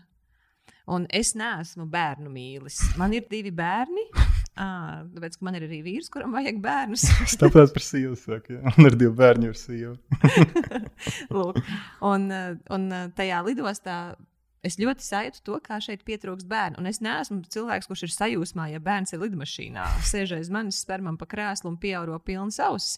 Uh, neskatoties uz to, ka man pašai ir bērni, un es ļoti to saprotu. Man liekas, es esmu ļoti iecietīgs uh, līdzpasažieris, kopš man pašai ir bērni, bet es nevarētu to teikt par sevi pirms man bija bērni.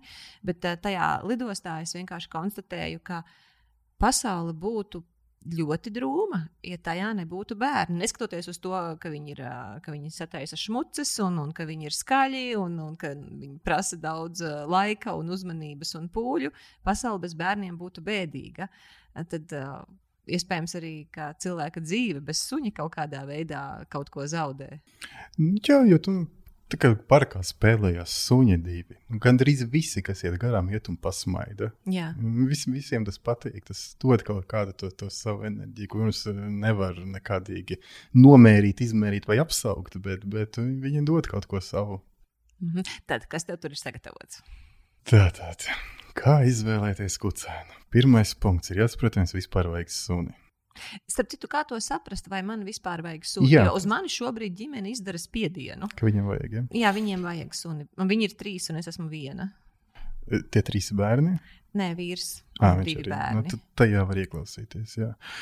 Um, bet um, tas ir, protams, katram savs. Vai vajag suni? Tas ir drīzāk jautājums, ir, vai, tu, vai tas, ka, laiks, galu galā laiks ir ļoti vērtīgs, vai tas laiks un tā enerģija, ko tu viņā velti, vai tu esi tam gatavs to gribi darīt. Jo ir tiešām cilvēki, kas grib katru dienu iet ar suņiem staigāt. Viņi to grib, viņiem tas, viņiem tas liekas forši, un tad ir labi. Vai ir cilvēki, kuriem tā, viņiem pasāst, pēc kādas tev, tev trīs būs tas suņiet staigāt, arī Lietuvu. Tad, ojoj, ne. Tas nav, nav priekš manis. Tas droši vien to nozīmē. Tas ir katram, katram tā ir sava atbilde. Vai, vai citam atkal ir kaut kas tāds, būs, tev nebūs vairs sterila tīra māja, un tas ir vairs nepieņemami. Ja, vai, vai, vai, vai, vai tev ir alerģija kaut galā. Ja? Un, un, un, Tāpēc tas ir katram savs, bet par to vispār vajag padomāt. Jā, priekš, priekš kam, to, priekš kam tas suns, suns vispār ir vajadzīgs? Vai tā, un tā ir principā. Jau ir nākamais punkts, ko es saku, kad suns, suni nevis nav jāpērk, bet nedrīkst pirkt bērnam. Nu, pirkt vai ņemt, nedrīkst bērnam. Ja tā tiešām arī ir, kad suni nevajag ņemt bērnu. Nekad gadījumā, tāpēc, ka nu, bērns parasti, tad, tad, kad viņi sāk čīkstēt, viņiem ir uh, 6, 7 gadi. Tad, kad viņi beidzot tas vecāks ir salauzuši, viņiem ir 14, 15 gadi. Pēc trīs gadiem viņi pametīs tevi, tu būsi vecāks, un ies studēt. Un suns paliks tev, nevis kopmītnes dzīvos. Ja tas ir viens.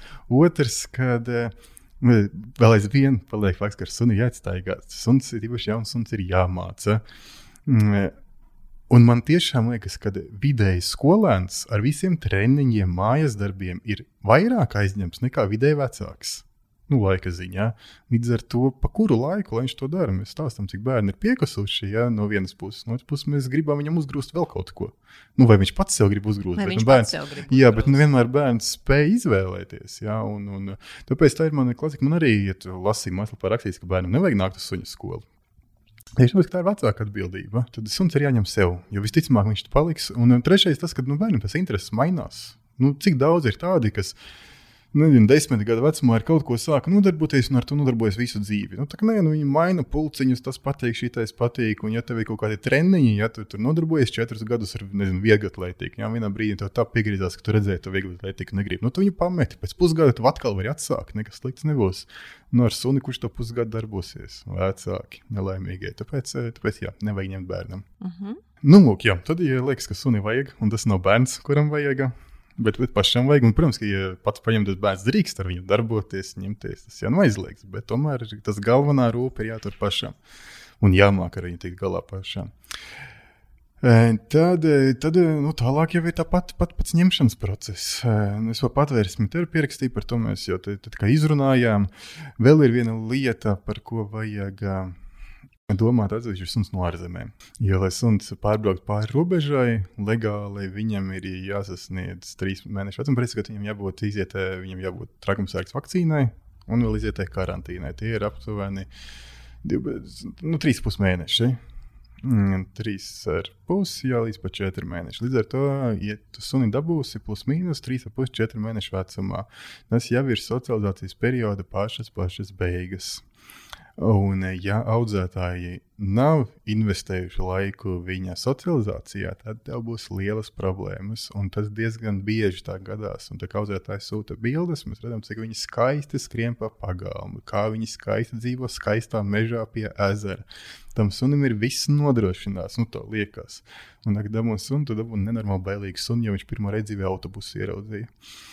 Tā kā ir jābūt uzmanīgam. Tad, ja ņemu sunu no ārzemēm, ir jānoskaidro, vai viņš tur tiks socializēts.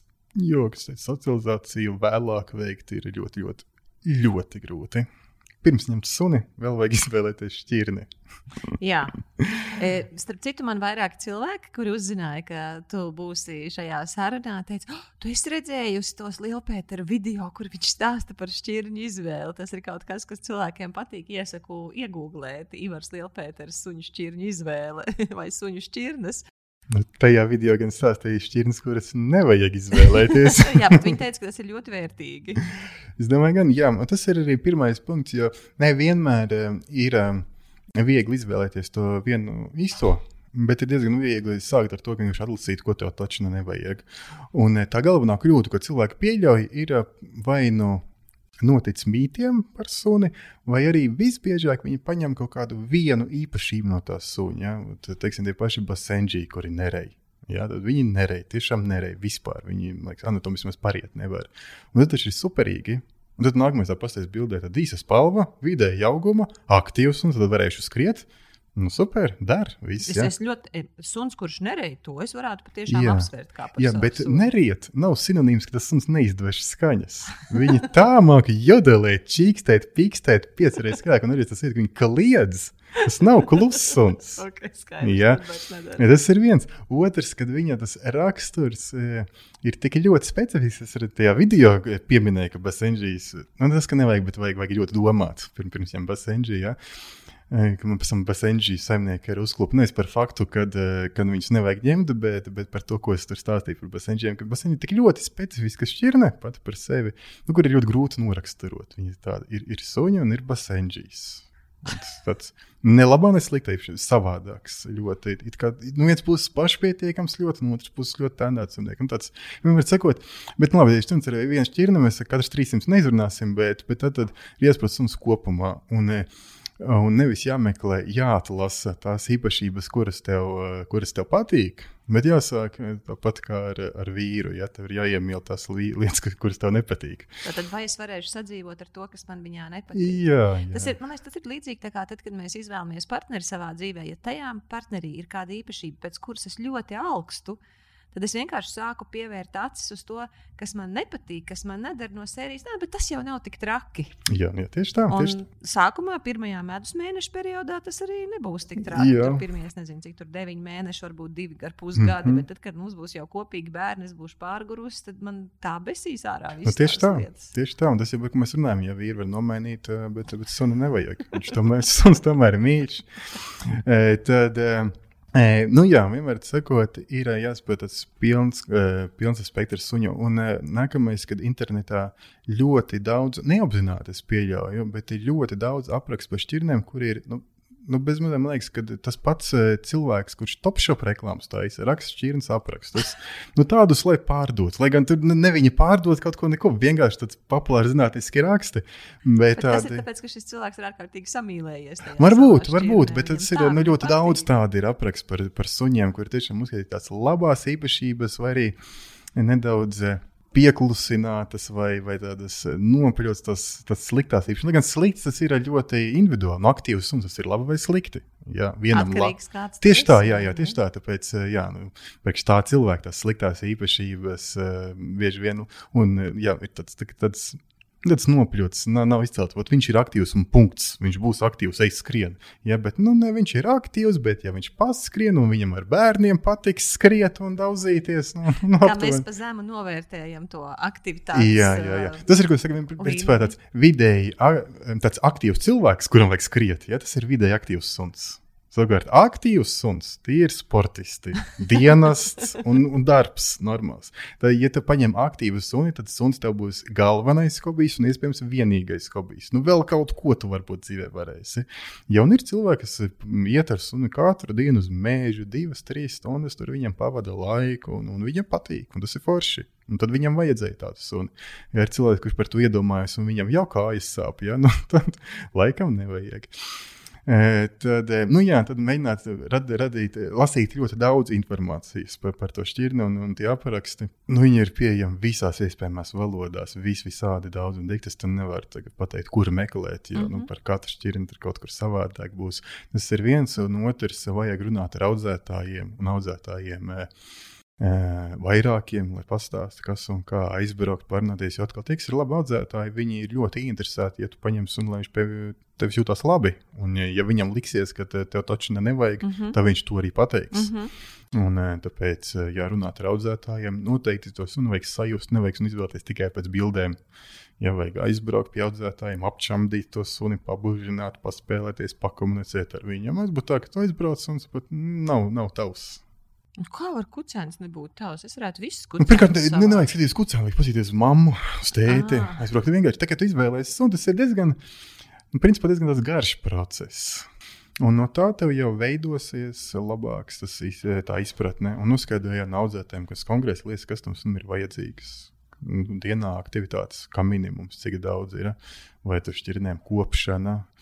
Ja, un, un, un nevajag censties sevi pierunāt, kad e, temperamentu mēs kaut kādā ziņā varam ietekmēt ar apmācību. Ja viņš ir aktīvs, viņš ir aktīvs. Ja viņš ir nenormāls mednieks, tad viņš ir nenormāls mednieks. Un priekš kā mums ņemt, teiksim, bīgls. Ja? Brīnišķīgs suns. Viņš, kad es ar tevi teicu, viņam tā galvenā problēma, viņš izstāstīja, kā no mūtens tikko izkāpis. Ja?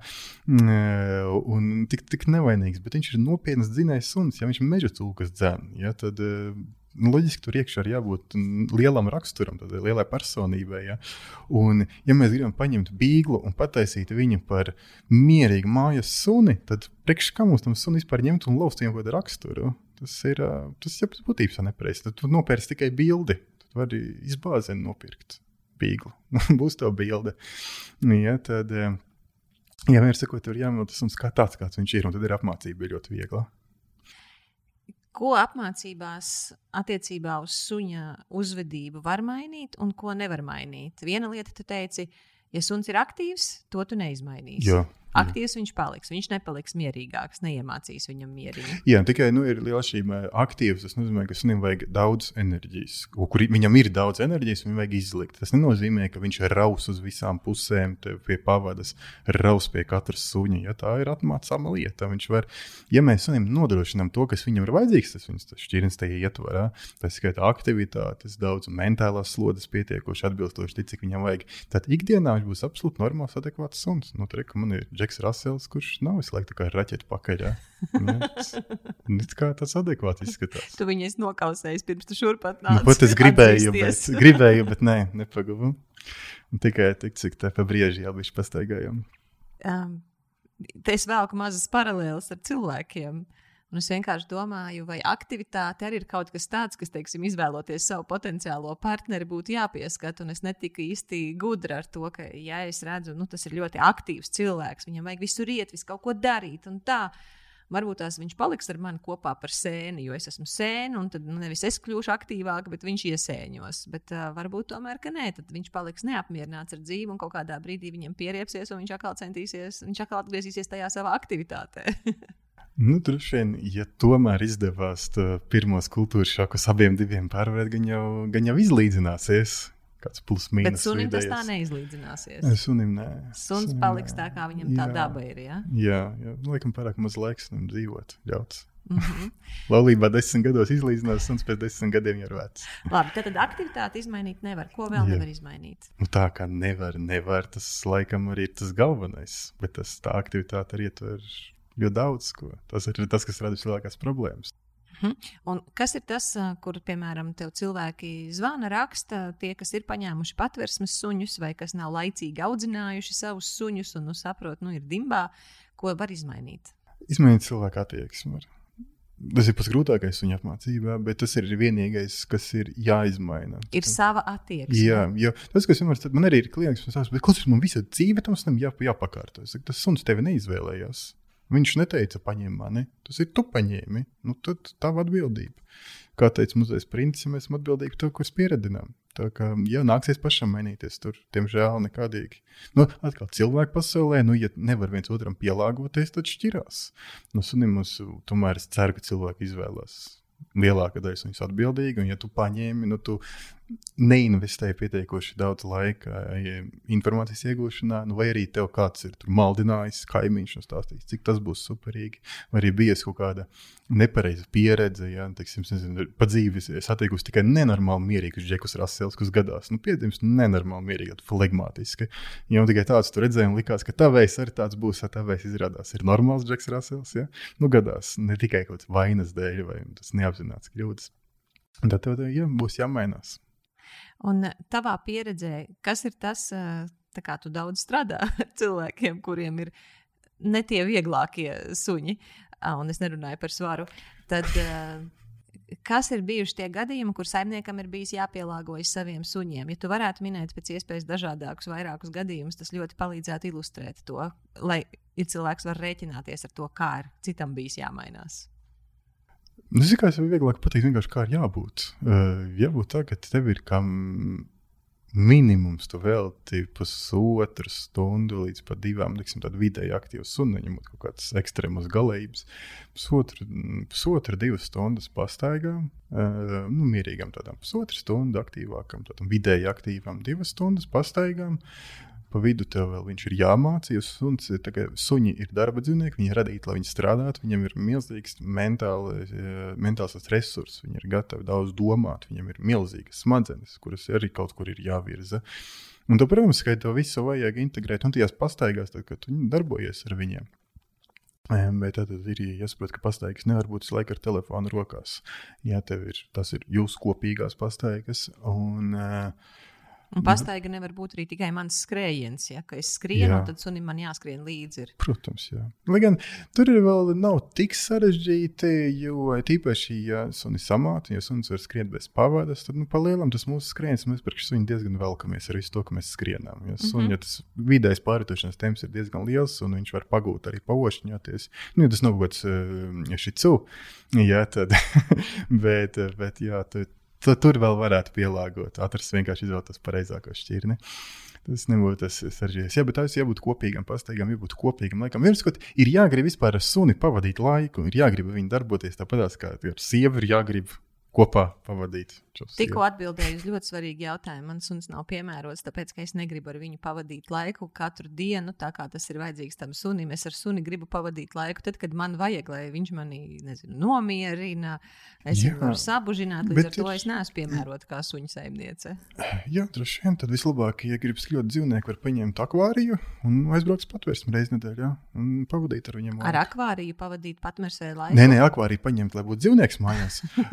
un uz patvērsmes suņu patvērsmes aizbraukt reizes nedēļā, tad gribas pavadīt ar viņu laiku. Un tas ir ļoti svarīgi. Vienkārši braukt uz patvērsmes, aicināt suņus. Viņiem tas ir svarīgi, komunicēt šiem cilvēkiem. Tas tā, nu, no vienas puses ir ironija, protams, pateicu, bet, bet no otras puses tas arī ir ļoti labs variants. Ja gribās darboties suņam, vai ir cilvēki, kuriem vienkārši dzīvesveids neļauj paņemt suņus, tur ceļot daudz vai, vai strādāt daudz, no nu, aizbrauc, ja tev gribas to suni sajust, brauc uz patvērsmi Cik tev ir iespējas?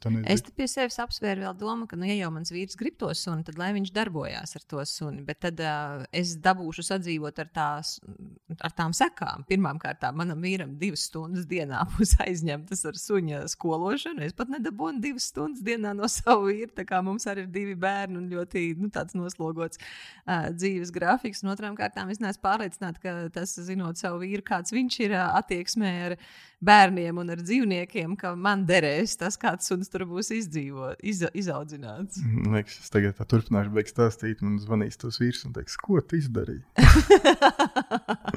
ne, viņš labi zina, kāds es esmu mošķis. Bet jā, par pielāgošanos, ap citu, tas diezgan bieži mēdz būt, ka uh, tur īpaši parasti vīrs grib un sieva negrib.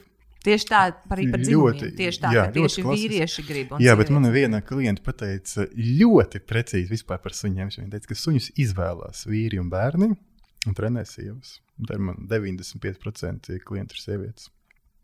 Tas gan ir interesanti. Jā, izvēlos, jā tas, tas ir diezgan tuvu patiesībai, ka tas tā arī ir. Laikam, sieviešu atbildības līmenis tomēr ir augstāks nekā mūsējais.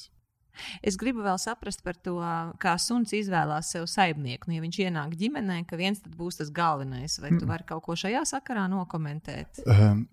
Es domāju, tas ir kaut kādā ziņā arī līdzīgi ar bērniem. Ir tomēr kāda, ko vairāk klausa, ko vairāk respektē. Bet uh, Tas nav tā, ka suns izvēlās. Tas suns viņš vienkārši skatās, un, un kā tā pasaule notiekās. Un, ja ir kāds, kas vairāk velta laiku viņam, ir kāds, kas vairāk dod tieši to, ko vajag. Jo dažreiz man ir tā, ka mums ir tā, bet es ar viņu staigāju, un es viņu būžīju no vīrs, tur tikai šo tu bišķī tur paspēlējās. Bet tā spēlēšanās tas ir kaut kas nenormāls svarīgs sunim. Ja viņš ir spēlējis, protams, viņš viņu vairāk pavadīs laiku, un līdz ar to vairāk ieklausīsies. Uh, un, tu tad... man tikko atbildēji jautājumu par maniem bērniem, kāpēc viņiem mans vīrs patīk vairāk nekā es, jo es taču viņus tur baroju, es tur palīdzu nokļūt ceļojumos, visu kaut ko, bet vīrs ir topā un viņš ir tas, kurš ar viņiem spēlējās. Paldies! Jā. Mans mērķis bija šajā sarunā mācīties no suņiem par cilvēkiem. Jā, spēlēšanās arī ar bērniem ir šausmīgi svarīga. Mm, tur, gan es diemžēl grēkoju, bet, bet jā, ar suņiem ir ļoti daudz jākrūt. Bet par tām pastaigām, par tām divām stundām, varētu likties šausmīgi daudz. Un tas ir daudz.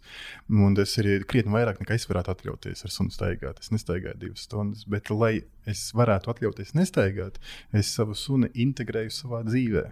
Mans suns daudz kur ir līdzi visu laiku. Tiksim, tagad šeit ir darbā, man viņš ir līdzi. Uh, un, bet, lai es varētu savu sunu ņemt līdzi, viņam man sākumā bija jāinvestē diezgan daudz laika, lai es viņu mācītu.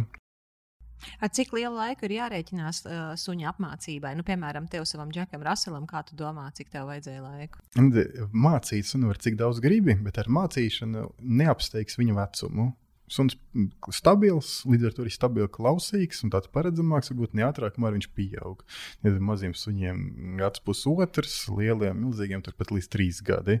Līdz tam viņš ir sākumā kucēns, tad viņš ir tīnis ar visām savām izrietošajām pubertātes problēmām. Kas tas, tās ir?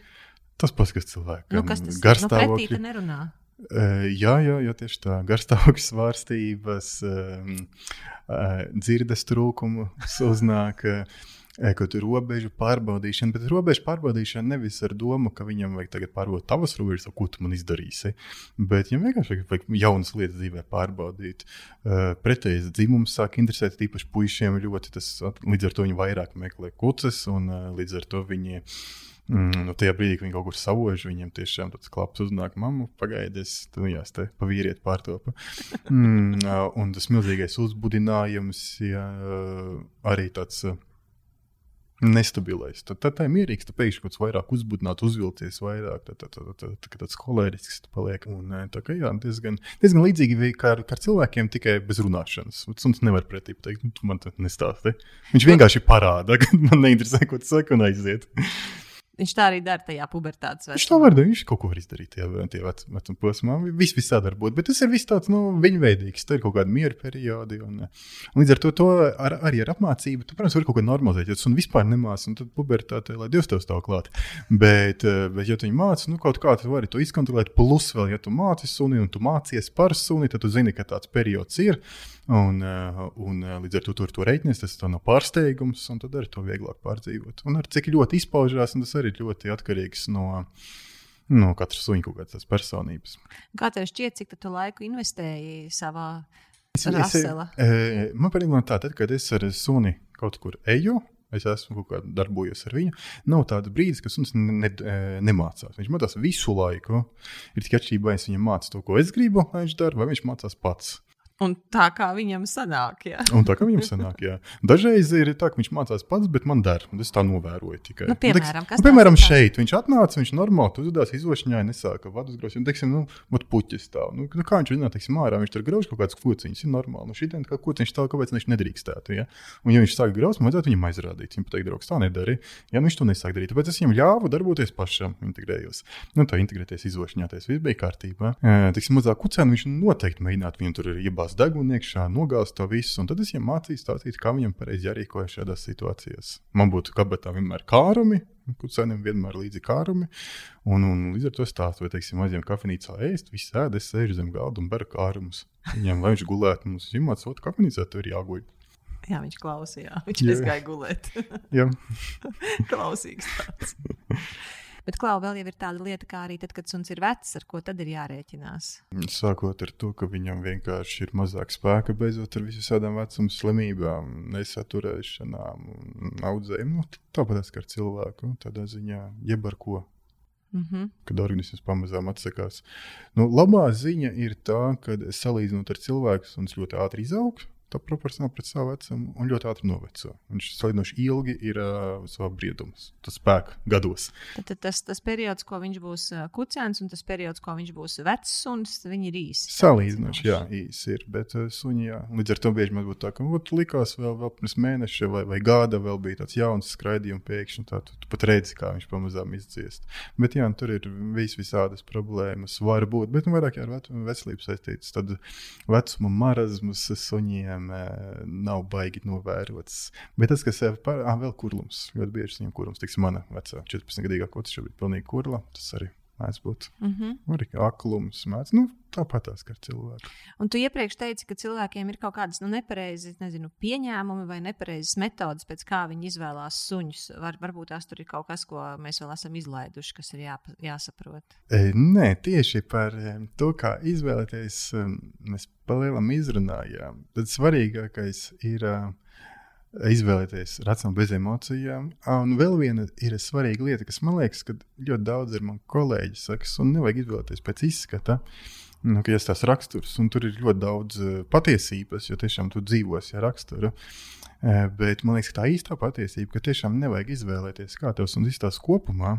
Jo tad, kad dosies pastaigā, 90% gadījumu viņi redzēs no dibēna. Tā kā jāizvēlas mums pēc dibēna. Tikai pārējais nav svarīgi.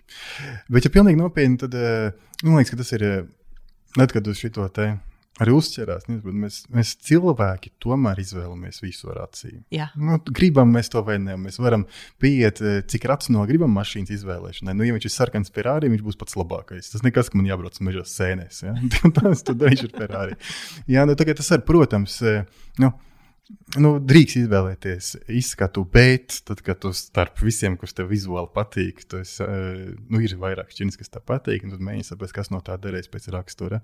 Un, eh, ja neviens no viņiem nederēs pēc rakstura, tad meklē vēl. Nu, ir pār pa 300 šķirnēm, ir, ir no kā izvēlēties. kaut ko atradīs. Kaut, kaut ko atradīsi, jā, vai arī varbūt tās tavs iedomas nav gluži tās īstās. Jā. Jo nu, ir cilvēki, kas vienkārši domā, nu, man būtu līdzīgi kā akvārijas. Nu, man ir pat re, kur viņš ir. Es uz viņu tā kā gribu tā paskatos, šeit tad es viņu pabaroju. Nu, man taču viņš ir jātīra, tā ka es veltu laiku arī tam, bet nu, palielam tas dara, kad es gribu. Ja? Nu, man ar suni nav, kad es gribu. Ir jādara tad, kad, to, tad, kad tas ir vajadzīgs, un tas ir diezgan bieži.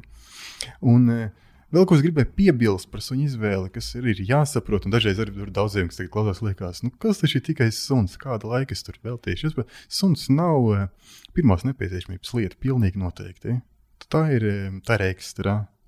Un, uh, līdz ar to Ekstras maksā. ne, eh, jā, Es maksā. domāju, ne tikai naudā, bet arī tavā laikā. Laikā, laikā, jā, tas ir viens, bet es pat gribēju teikt, ka arī naudā. Arī naudā. Vienkārši suns maksā dārgi, par to mēs vēl varam parunāt. Jā. Varbūt, bet, bet otrs ir, ka veterināri izdevumi būs diezgan dārgi. Ja tas, ka mums stāsta, ka valsts medicīnā nedod vispār neko, nu, tu vari diskutēt labi vai slikti, bet aizvediet dzīvnieku pie veterinārs un jūs saprotiet, cik medicīna maksā reāli. Tur jūs tiešām visu maksājat paši, ja tur bankrotē tur ātri. Ja apmācība maksā, barība maksā, nu viss maksā. Un, un, un, un līdz ar to arī par to jāpadomā, vai, vai finansiāls viss ir pats. Nu, tāds cilvēks, kurš ir diezgan liels budžetētājs, viņš grib suni, viņam viss patīk, bet nu vēl iztrūkst tā pēdējā informācija, nu, cik tad rēķināties ar to suni. Tad es saprotu, būs kaut kādas gradācijas, mazais suns, lielāks suns vai kā. Kā Pēc svara suņa, es domāju, kilograms suņa. Cik nezinu, maksā kā, kilograms suņa? Ne, nevis šķirne pati, bet cik maksā suņa uzturēšana. À, uz, jā, tur gan ir no izmēra. Nu, pa lielam, jebkurš vidējs Latvijas, protams, var atļauties. Nav tik traģiski, var atļauties. Nu, tie ir kaut kādi 50 līdz 100 eiro mēnesī. mēnesī. Jā, par ēšanu. Nu, veterināri izdevumi, ja tev ir veselīgs suns, tad uh, cik tik reizi gadā atbraukt kādu vakcīnu uztaisīt, bet ir jāaptur galvā, ka var gadīties kaut kas, un tur kājas salauzt. Un tad ir pēkšņi kaut kādi lieli izdevumi, tas, kas mani, teiksim, biedē. Tā man nav problēmas veikt nekādas izmaksas, bet ja kaut kas maksā, bet tur atkal ir apdrošināšanas, par ko var padomāt, pastīties. Es neesmu pētījis, man apbeidināja tas piedāvājums, kas bija pirms desmit gadiem, es apvainojos. Bet ir cilvēki lietā. Desmit gadus jau kā apvainojies. Desmit gadus, jā, jā, es apvainojos. Iespējams, kaut kas ir mainījies. bet, bet, uh, jo es tas jāpainojas atkārtīgi. Kucēnām, protams, visādas mantas, gultiņas, vēl kaut kas, un viņš kaut ko sagrauj.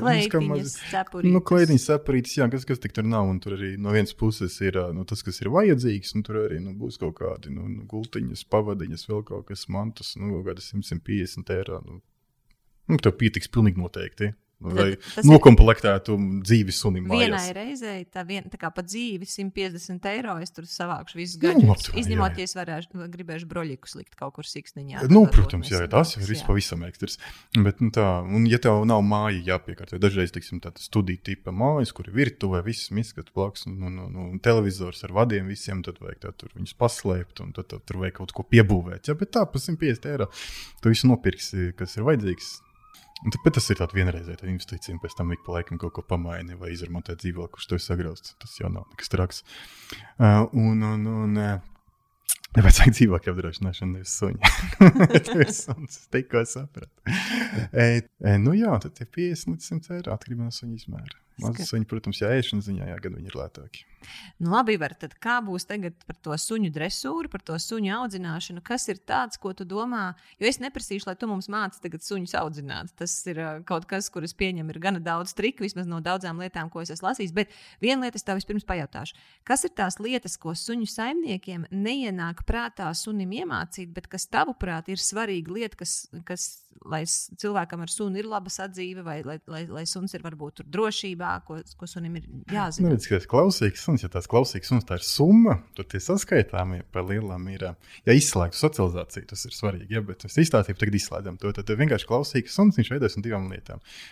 5 līdz 10% ir apmācība, un 90 līdz 95% ir vienkārši nodarbināt viņu. Pelēm nodarbināt, krietni svarīgāk apmācīt. Ja tu sunis ir pietiekoši nodarbinājis, viņš ir izskrējies, viņš ir mentāli noguris, un tur nebūtu ir jāmāca, var eh, meklēt kārmus, mācīt, slēpt kociņus viņam. Tad pa lielam tev jau ir gandrīz mierīgs, klausīgs suns. Tev viņš nereaģēs tik daudz uz impulsiem visādiem. Ja tur viņi daudz spēlēsies, tad suns sapratīs, ka eh, ar tevi ir forši. Teiksim, eh, tev liekas, nenormāli daudz abi nesmu mācījis. Nu, es esmu viņu pamācījis, bet nav tā, ka es nu, tur katru dienu, divas stundas dienā, tagad vērām grāmatas vaļā un lasījām, mācījāmies svešu valodu. Es viņu tā bišķīt pamācīju, bet tas galvenais, ko es panāku, viņš ir normāls, adekvāts, ir tieši ar to, ka viņam ir pietiekoši interesanta dzīve, viņš ir, eh, viņš ir iztaigājies, viņš ir uh, Viņam ir mentāls slodzes bijušas, viņam ir tādas interaktīvas mantas stājas, kur viņam paslēp, nu, tā es pat piedāvāju, kur viņam paslēp kaut kāds kārums, tur jādomā, kā viņu dabūt ārā. Kā rezultātā viņš man vienkārši ir mierīgs, viņš man ir tāds atslābis, viņš daudz guļ.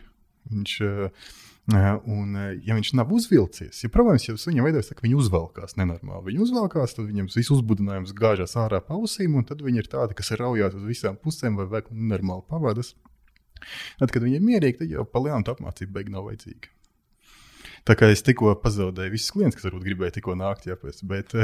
Nē, es domāju, ka tev būs daudz klientu, kas nāks pie tevis, jo man liekas, ka tieši šajā sarunā, nu, vismaz es personīgi ieraudzīju par to, cik ļoti liela atbildība ir suņa būšana. Es pirms tam uzskatīju to, ka suns ir ļoti liels apgrūtinājums, bet tagad ieraudzīju, ka tā atbildība ir vēl krietni lielāka nekā es domāju. Jā, bet tas ir tāds pretarguments uzreiz, ka ir liela atbildība, bet arī atcerās, ka tas ir liela atdeve no nu, atdeve tāds.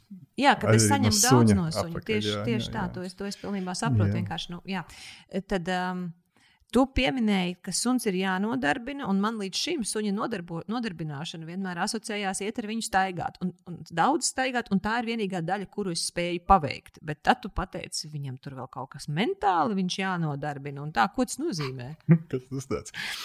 Tad, tad, tas ir arī man liekas, viens no mītiem, kurš ir radies. Es pat nezinu, kāpēc ir tas sajūta. Nu, sunim vajag aizvest izskrieties. Mm -hmm, jā, man Jā, liekas, jā, jā. ka tas, tas būs man reiz jautājums, uz kurien viņam tā jāsteidzās, ka viņam tā jāskrien. Bet parādiet man kaut kādu vienu dzīvnieku uz planētas, kura normāls vidējais pārvietošanās temps ir skriet.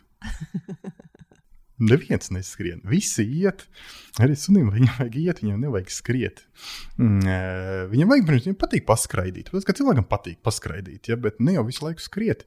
Pastaigas, principā, galvenais ir izlošņāties. Nē, Tas vedīgs, un tā jau ir diezgan liela mentāla slodze. Nu, ne slodze, bet tas ir interesanti. Viņš no- aiziet pie kaut kāda koka, tur izlasa visu to Twitter lentu, ko viņam ir atstājuši viņa, viņa, viņa draugi. To viņš pats savējot tur tvītu atstāja, un ir tālāk, un, un, un tur ļoti daudz informācijas notiekās. Tā kā pirmais viņam vajag izlošņāties, uh, izteikties, un otrs, jā, vienmēr atcerieties, tad visi suņi pašā sākumā, pat ja pa vidu viņu evolūcijā viņi tika izmantoti karalim, lai blakus tā sēdētu. Pats sākums tomēr ir darba suņi. Viņi visi tika radīti, lai viņi strādātu. Un eh, līdz ar to viņiem ir tas resurss, arī tas mentālais viņiem ir. Jo tas darbs nav bijis tikai spēka darbs, viņam nav bijis tikai jāvelk vai, vai, vai jārūc. Ja? Viņam ir jādara secinājumi, tur, teiksim, tiem pašiem ganu suņiem, tā, ka viņiem tur ir nenormāli daudz tās aitas, viņi tur spēj viņus saskaitīt. Es nesaprotu, kā viņi to dabūja gatavu, bet viņi zina, ka viena aita pietrūks, ja ir kaut kur Tiešām, meklēt. jā. Nu, tā runā. Es, es nekad neesmu redzējis, kā tas ir praktiski, tur, kur ir desmit tūkstoši aitas, bet, bet un tā runā. Un saklausīt, tad, uz kurien viņi ir jādzen, ja tur jau klausās to ganu, kurš, eh, kurš nav elektriskais. Ja, tad ganu klausās pēc tam komandām, ja, vai, vai teiksim, tie paši sarksuņi.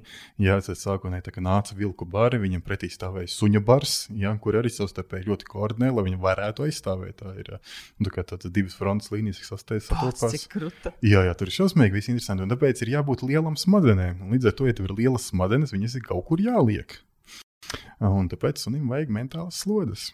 Un, eh, bet, nu, jā, tas slodzes viņam nevajag piedāvāt eh, citu vilku baru, kam brukt virsū vai, vai desmit tūkstošu ganāmpulku. Tev vienkārši ir jāpiedāvā kaut kāds darbs. Nu, Jā, ir, piemēram, nu, kā tu nodarbini savu raselu? nu, elementāri vakar tiem, ko mēs darījām, vienkārši kolas pudelē sametu kārums iekšā. Kolas pudelē samet. Jā, viņš tur tagad iekšā. ripinā, Tad viņš mēģināja dabūt- kašājās Jā, nemaz. dabūt ārā. Ir pilns zāle veikals ar tādām interaktīvām mantām, kur tieši tāpatās princips ir kaut kur paslēpt kārumu un sunim jāizdomā, kā viņu dabūt ārā. Kur Mm. tu vēl tos kārumus bāzi? Da jebkur, kur tikai nav tenis bumbiņu, ļoti populāri šobrīd Instagramā. Jā? Sagriezt tenis bumbiņu, lai iekšā kārums un neko darboties. Un cik ilgi viņš tā var ņemties? Atkarībā no suņa sižoka spēka. Viens izpulcinās un norīs pēc tenis bumbiņu un tad varbūt kārums. Bet to kolas pudeli? Arī ļoti individuāli. Bet tas viss ir kas viņam piedāvā sākumā. Viņam sākumā ir interesanti, pēc tam viņš vienkārši jau mehāniski atstrādā. Viņam vairs nav jādomā, viņš zina, kas ir jādara, lai dabūtu to kārumu ārā. Un tad tev jāizdomā kaut kas jauns. Tā tad tu tavs mentālais resurs arī ir noslogots, jo tev visu Nevar. laiku ir kaut kas jāizdomā. Jā, mans radošais. Jā, jā tieši tā. Līdz ar to, jā, šā, šā, šādas. Un tās tās lietas, ir, kas man, protams, ir jāpasēž, jāpadomā dažreiz. Lai gan, nu, man, ne, es pat ne, grūti man nu, jau pateikt, ko no tām lietām es pats esmu izgudrojis. Jo, nu, protams, es ļoti daudz vienkārši iedvesmojos, skatoties to pašu Instagram, tur kaut ko pašpikojot. Un, un tā, un līdz ar to nav nu, tik sarežģīti kaut ko izgudrot. Vienkārši Instagram pašķirst ar pareiziem atslēgas vārdiem. Un, un, Kas jāraksta par atslēgas vārdiem? Mm, Kas un nodarbināt intelektuālas slodzes un, un, un, un, un, un suņu treniņi. Tas ir ļoti, ļoti daudz. Tur ir. Tas ir vienkārši tā tāda pasaule, kur cilvēki vienkārši parastais varbūt nav saskāries, teiksim, to. Bet līdz ko tie ir kaut plus mīnus kaut kādas lietas, var te uzreiz tur Pinterest, nenormāli daudz tādas mandas ir. Vēl tur ir tiem, kam patīk pašiem ar rokām tur darboties. Tur. Tāpēc vienojās suni, lai varētu. Jā, es to neteikšu vīram, jo tad viņam vēl vairāk vajadzēs suni, jo viņam būs kam taisīt mantas. O, tu pateiks, ka to, kas tā patīk, jā. Tā, tā nes jums tās attiecības. Izvēlas tikai to, kas saka. Nē, nē, viņš, viņš, eh, viņam nav pretargumentu ceļošanai. Mēs nevaram atļauties dēļ ceļošanas ņemt suni. Kāpēc ļoti muļķīgs arguments? Tur gan es varētu tagad oponēt, kāpēc ar suni nevar ceļot.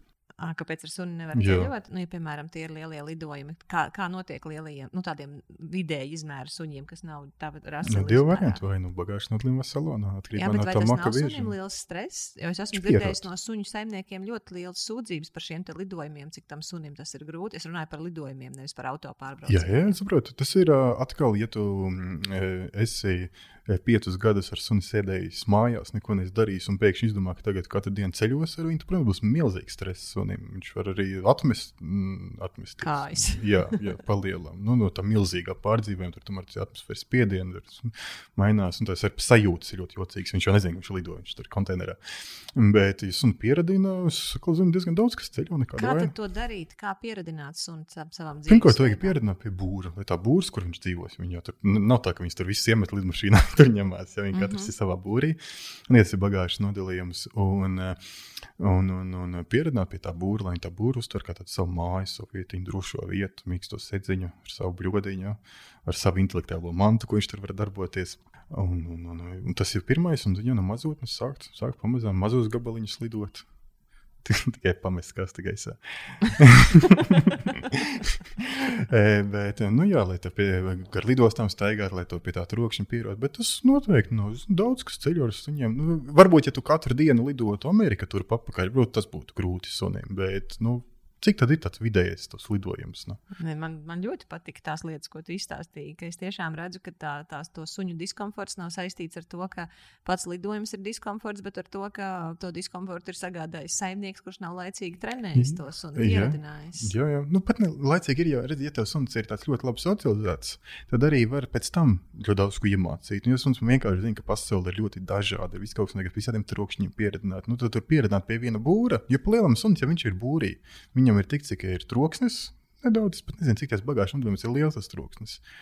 Tas būtu vispār labs Es jautājums. nezinu. Es arī nezinu. Bet ir bagāžas nodalījums, cik liels vai viņš ir tiksim, lielāks kā salā. Ne? Jo, teiksim, ir zinu, ka klejā mīts, ka tu tie suņi mēdz atcelt, ja, ja tur gaisa ir augsts, bet nē, suņi ir tajā bagāžas nodalījumā, kurš tiek apsildīts. Un tur, kur netiek apsildīts, tur suņu divnieks neņem. Uh, un, un, un, uh, Bet, bet jā, tas ir. Saka, nu, tas, sakam, tas ir vidējais lidojums. Nu, viņš nelido katru dienu uz Ameriku un Austrāliju. Tas ir nu, izņēmumi parasti 3-4 stundas lidojums. Sunim tas ir knapi dienas.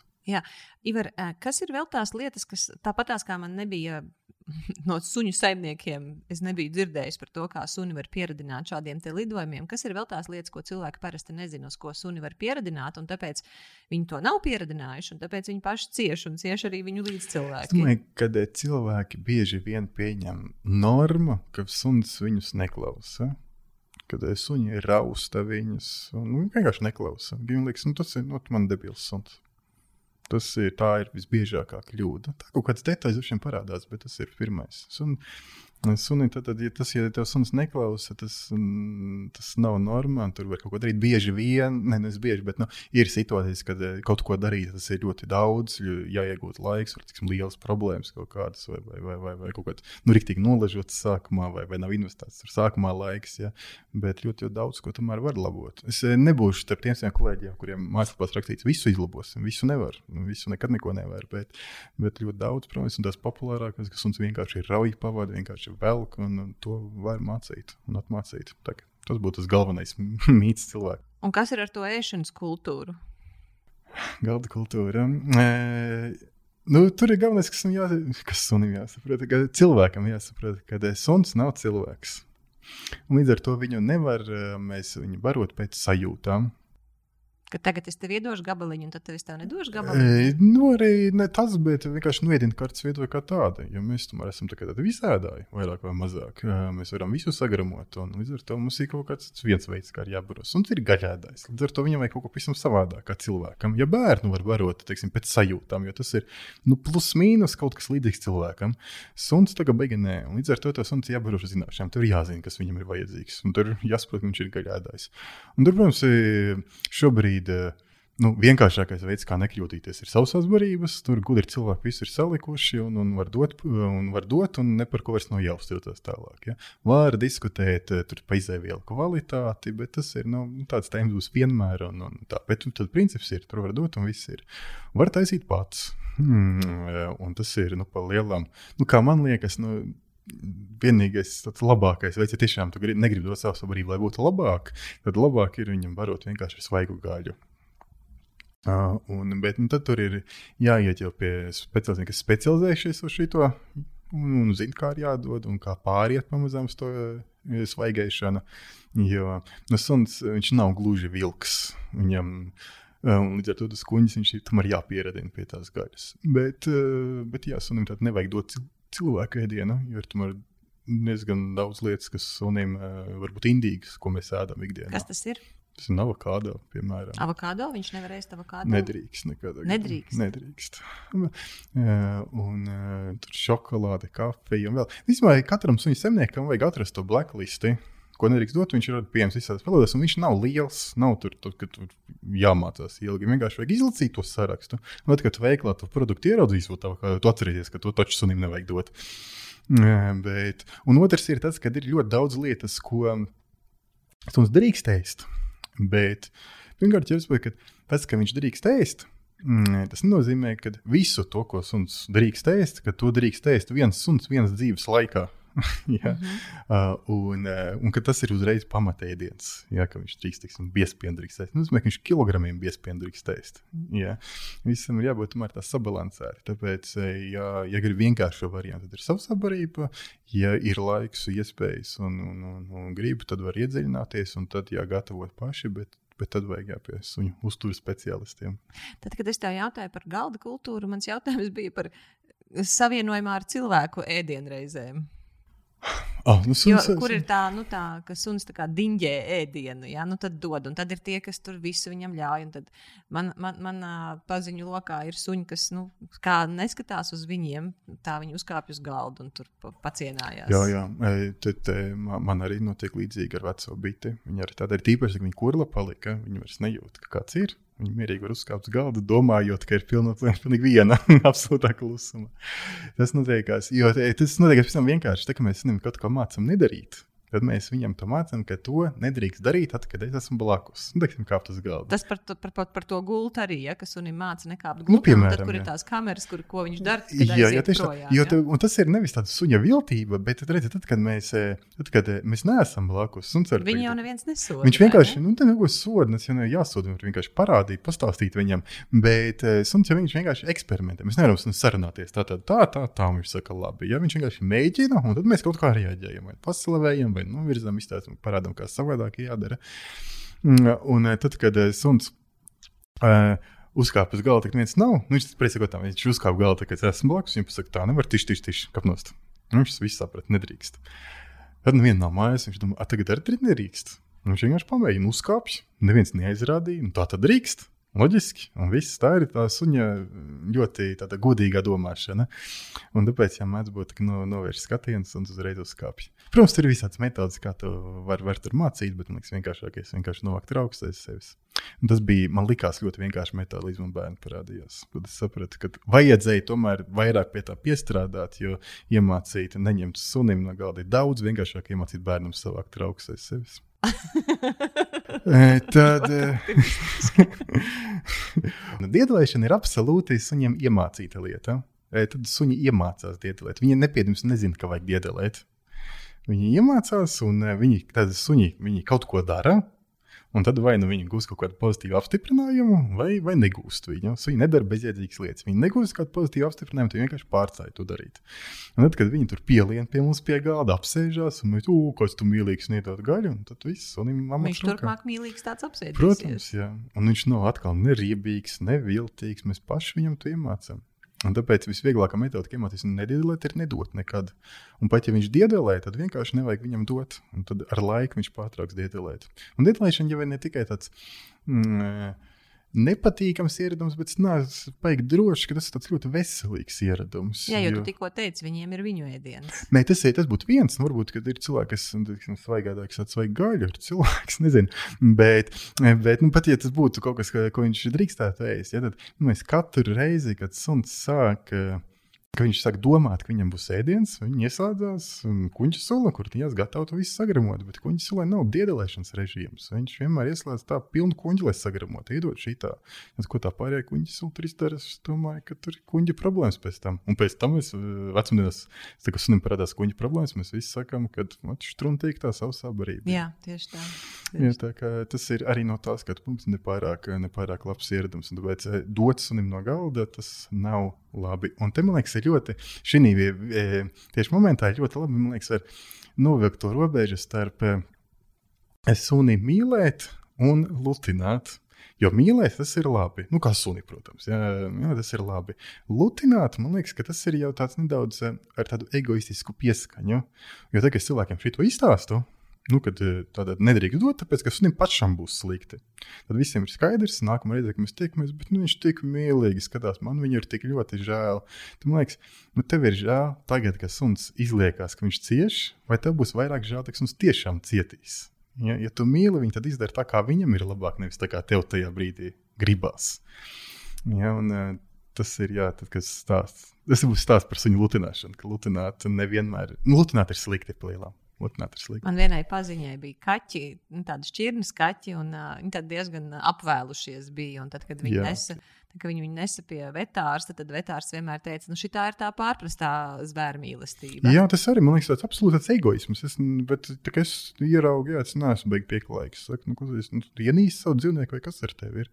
Tad, tad tur ar mīlestību nav nekāds sakars. Tas ir paša kaut kādu savu problēmu atrisināšana, pārbūt dzīvnieku pārbarošana. Mums, Latvijā nosacītā ir mazāk problēma. Gados, protams, ir pārbraukt dzīvnieku netrūks, bet, nu, kas tur esmu redzējis Amerikā, man liekas, tur bez kaut kāda slimība ir suņus dzīvnieks uzbarot ar tādas bumbas, ka tur pat nevajag noņemt kājas, lai viņš veltos. Man, man te ir jautājums, kā, es varētu ar tevi turpināt sarunāties ilgi un dikti, bet nu, es domāju, ka šobrīd mēs jau visus kaķu mīļus esam noveduši pilnīgā izmisumā, kāpēc mēs neko nerunājām par kaķi, izņemot to, ka kaķi aizgājām izvēlēties ar koncīliju no diviem cilvēkiem. diviem kinologiem. Jā, diviem kino, kinologiem. Tad, eh, kas ir tā lieta, ko es tev par suņiem un suņu saimniekiem vēl nepajautāju, bet kas tavuprāt ir svarīgi, lai cilvēki zinātu par to? Viena ļoti svarīga tēma, protams, ir bērni un suņi. Tad, kad jau viņi ir, gan bērns, gan suns. E, jo 99% gadījumu sakos tie bērni ir kā reiz no saviem suņiem, nevis uz ielas. Uz ielas rēti, kad kādu sakoši, tie visi ir savējie. Ja? Un tie bērni viņi nevis dara kaut ko apzināti slikti. Nu, jo, protams, mēdz bērni rauj to suņu aiz āstes, rauj aiz ausīm. Nu, viņi ir baksta bērni, viņus, jā, baksta. Nu, viņam ir interesanti, ka tas tāds ir. Nu, tas ir normāli. Bet atkal to atkal vecāks saprot, ka tā darīt nevajag. Un tur tomēr notiek kaut kāda mācīšana, kontrolēšana. Bet uh, bieži vien ir tāda neapzināta suņa izbēsīšana. Es nezinu, kā to pieklājīgi pateikt. Un, teiksim, tas, ka bērni visu laiku iet suņus mīļot.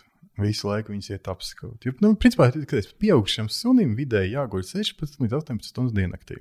Ļoti daudz. Viņi tik daudz guļ. Jā, tieši tāpēc, ja mēs suņus vispār varam ņemt, ja viņi gulētu 8 stundas, Jā. tad, tad mēs nevarētu suņus paņemt. Aha, okay. Tad viņi ļoti daudz guļ. Un, ja mājās ir bērns, kurš vēl neiet uz bērnu dārzu, un kuram ir nedēļu vai divas nedēļas, 37 un 2 temperatūra, kurš visu laiku ir mājās pagāns tāds, nu, tad skaidrs, ka nu, viņš visu laiku iestams nevirsū. Viņš ies gulēt viņa gultā, viņš ies gulēt viņam blakus. Un, Principā jau nekā slikta tur nav, bet, eh, bet kas par daudz, tas par skādu. Viņus nu, visu laiku iztraucē, tad suns man būtu ļoti pieklājīgs. Sākumā viņš aizies projām. Vienmēr suns nekad, nu, normāli adekvāts suns nekad nemēģinās izvairīties no, nu, nemēģinās uzreiz sākt ar konfliktu. Viņš mēģinās izvairīties, viņš mēģinās aiziet. Bet nu, bērni jau neļauj aiziet. Viņi iet līdzi, vai viņi tur viņus. Jā. Mm, un tad vienā brīdī suns, protams, pasaka, ko viņš par to domā. Un, un atkal, suņi vienmēr brīdina. Nekad, nekad neviens normāls suns nav kodis bez brīdinājuma. Un viņš var uzrūkt.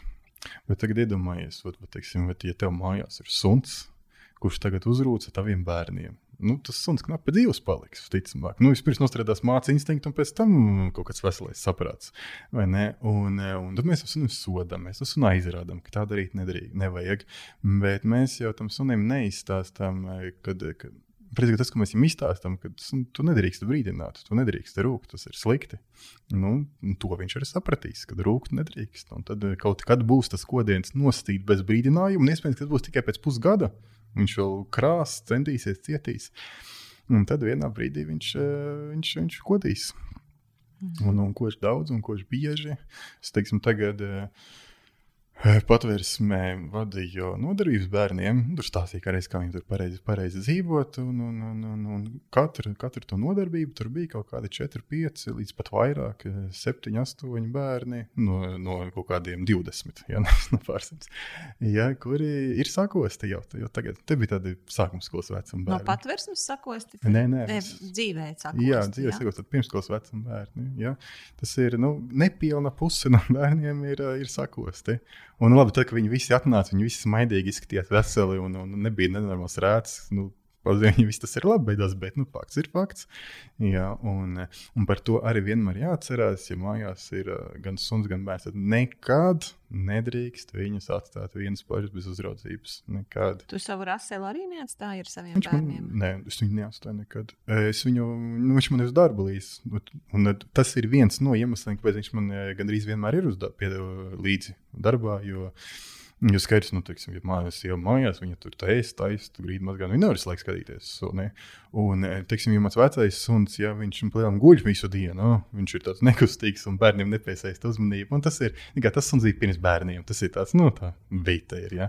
Obīts, tas tā kā ir mīļumiņš visiem, visiem gribas viņu bužināt visu laiku, un tas ir tāpēc vienas viņu visu laiku ņem līdz darbu, lai paglābtu. Un tādā veidā vienkārši atrisina mājās to problēmu, lai nav visu laiku jāizrāda, visu laiku jābaks, bet ja es esmu mājās, tad, protams, jā. Bet tas tāds stingrs noteikums cilvēkiem cilvēkiem, kas grib pilnīgi noteikti izvairīties no kodumiem, jā. ka nevar atstāt uh, sunu jā, un bērnu jā. mājās vienus. Jā, jā, jā nekādā gadījumā.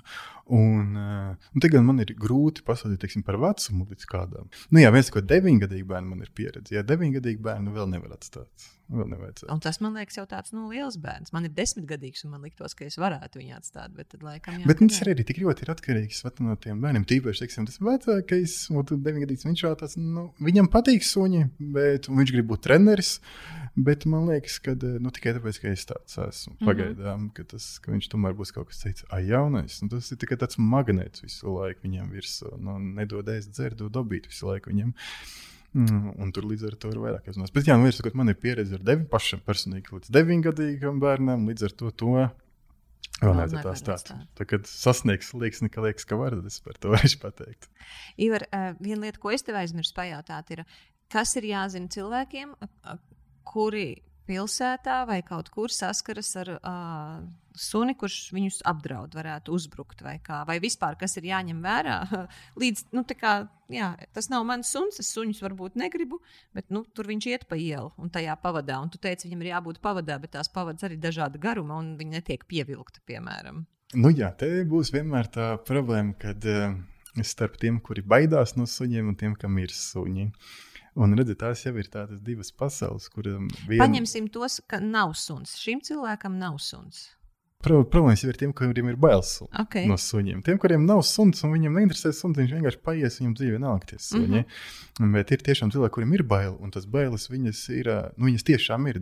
Ko es gribēju teikt, kad ir, kad ir šīs divas spēles, kuras viens otru nesaprīs. Tiem, kam ir bail, tiem būs grūti saprast, kā ir tas, ka tu, tev patīk suns. Un tas savukārt tiem, kuriem ir suns, viņiem ir grūti saprast, kā ir tas, ka tev ir bail no suņiem. Mm -hmm. Kā tas var būt? Un es arī šito nevarēju ilgi saprast.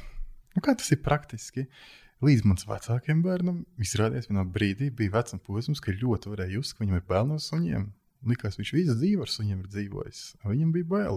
Tagad pārgājis tik normāli, bet vienā brīdī tiešām bija. Es saprotu, ka tas tiešām tā notiekās, tas tiešām tā var būt. Un tam nav sakars ne ar ko. To nevar ietekmēt. Tas nav viņš pats izdomājis. Tas nav bijusi nu, beigā negatīvā pieredze. Viņš tur nav saplosīts. Jā, vienkārši, vienkārši ir. Un, Un tad atkal man ļoti grūti izdarīt, kā jādara. Nu, tiksim, nāk cilvēks pretī, un man arī es, es nepievilku savu sunu. Es redzu, ka viņš tur mierīgi staigā un nošņājās. Nu, es tā nepievilku.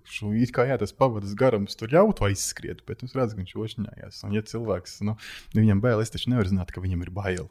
Nu, ja man cilvēks tur panāk, ir man bijuši cilvēki, kur tiešām tā arī ir ierauga mani ar šito ar, ar biti, tā ir nedaudz lielāka un melna, tas uzreiz ir bīstamāk. Jā, kur tā arī saka, man bail no suņiem paņems un tuvāk. Un pēc tam to dara nevis to savāc savu suni. Jo tad loģiski man arī uzreiz tāda pretreakcija ir atšķirīga, ja man dzīvot mācīt. Jā, bet normāli pasakot, ka man bail, lūdzu, paņem suni. Jā, man, es, man personīgi nav problēmas paņemt, pasaukt savu suni, lai viņš, viņš droši var paiet garām. Nu, viņš droši paies jebkurā gadījumā, jā, bet lai viņam tā drošība. Jā, bet tad ir tie, ir tie suņu saimnieki, kas saka, viņš jau nekož, viņš neko nedara.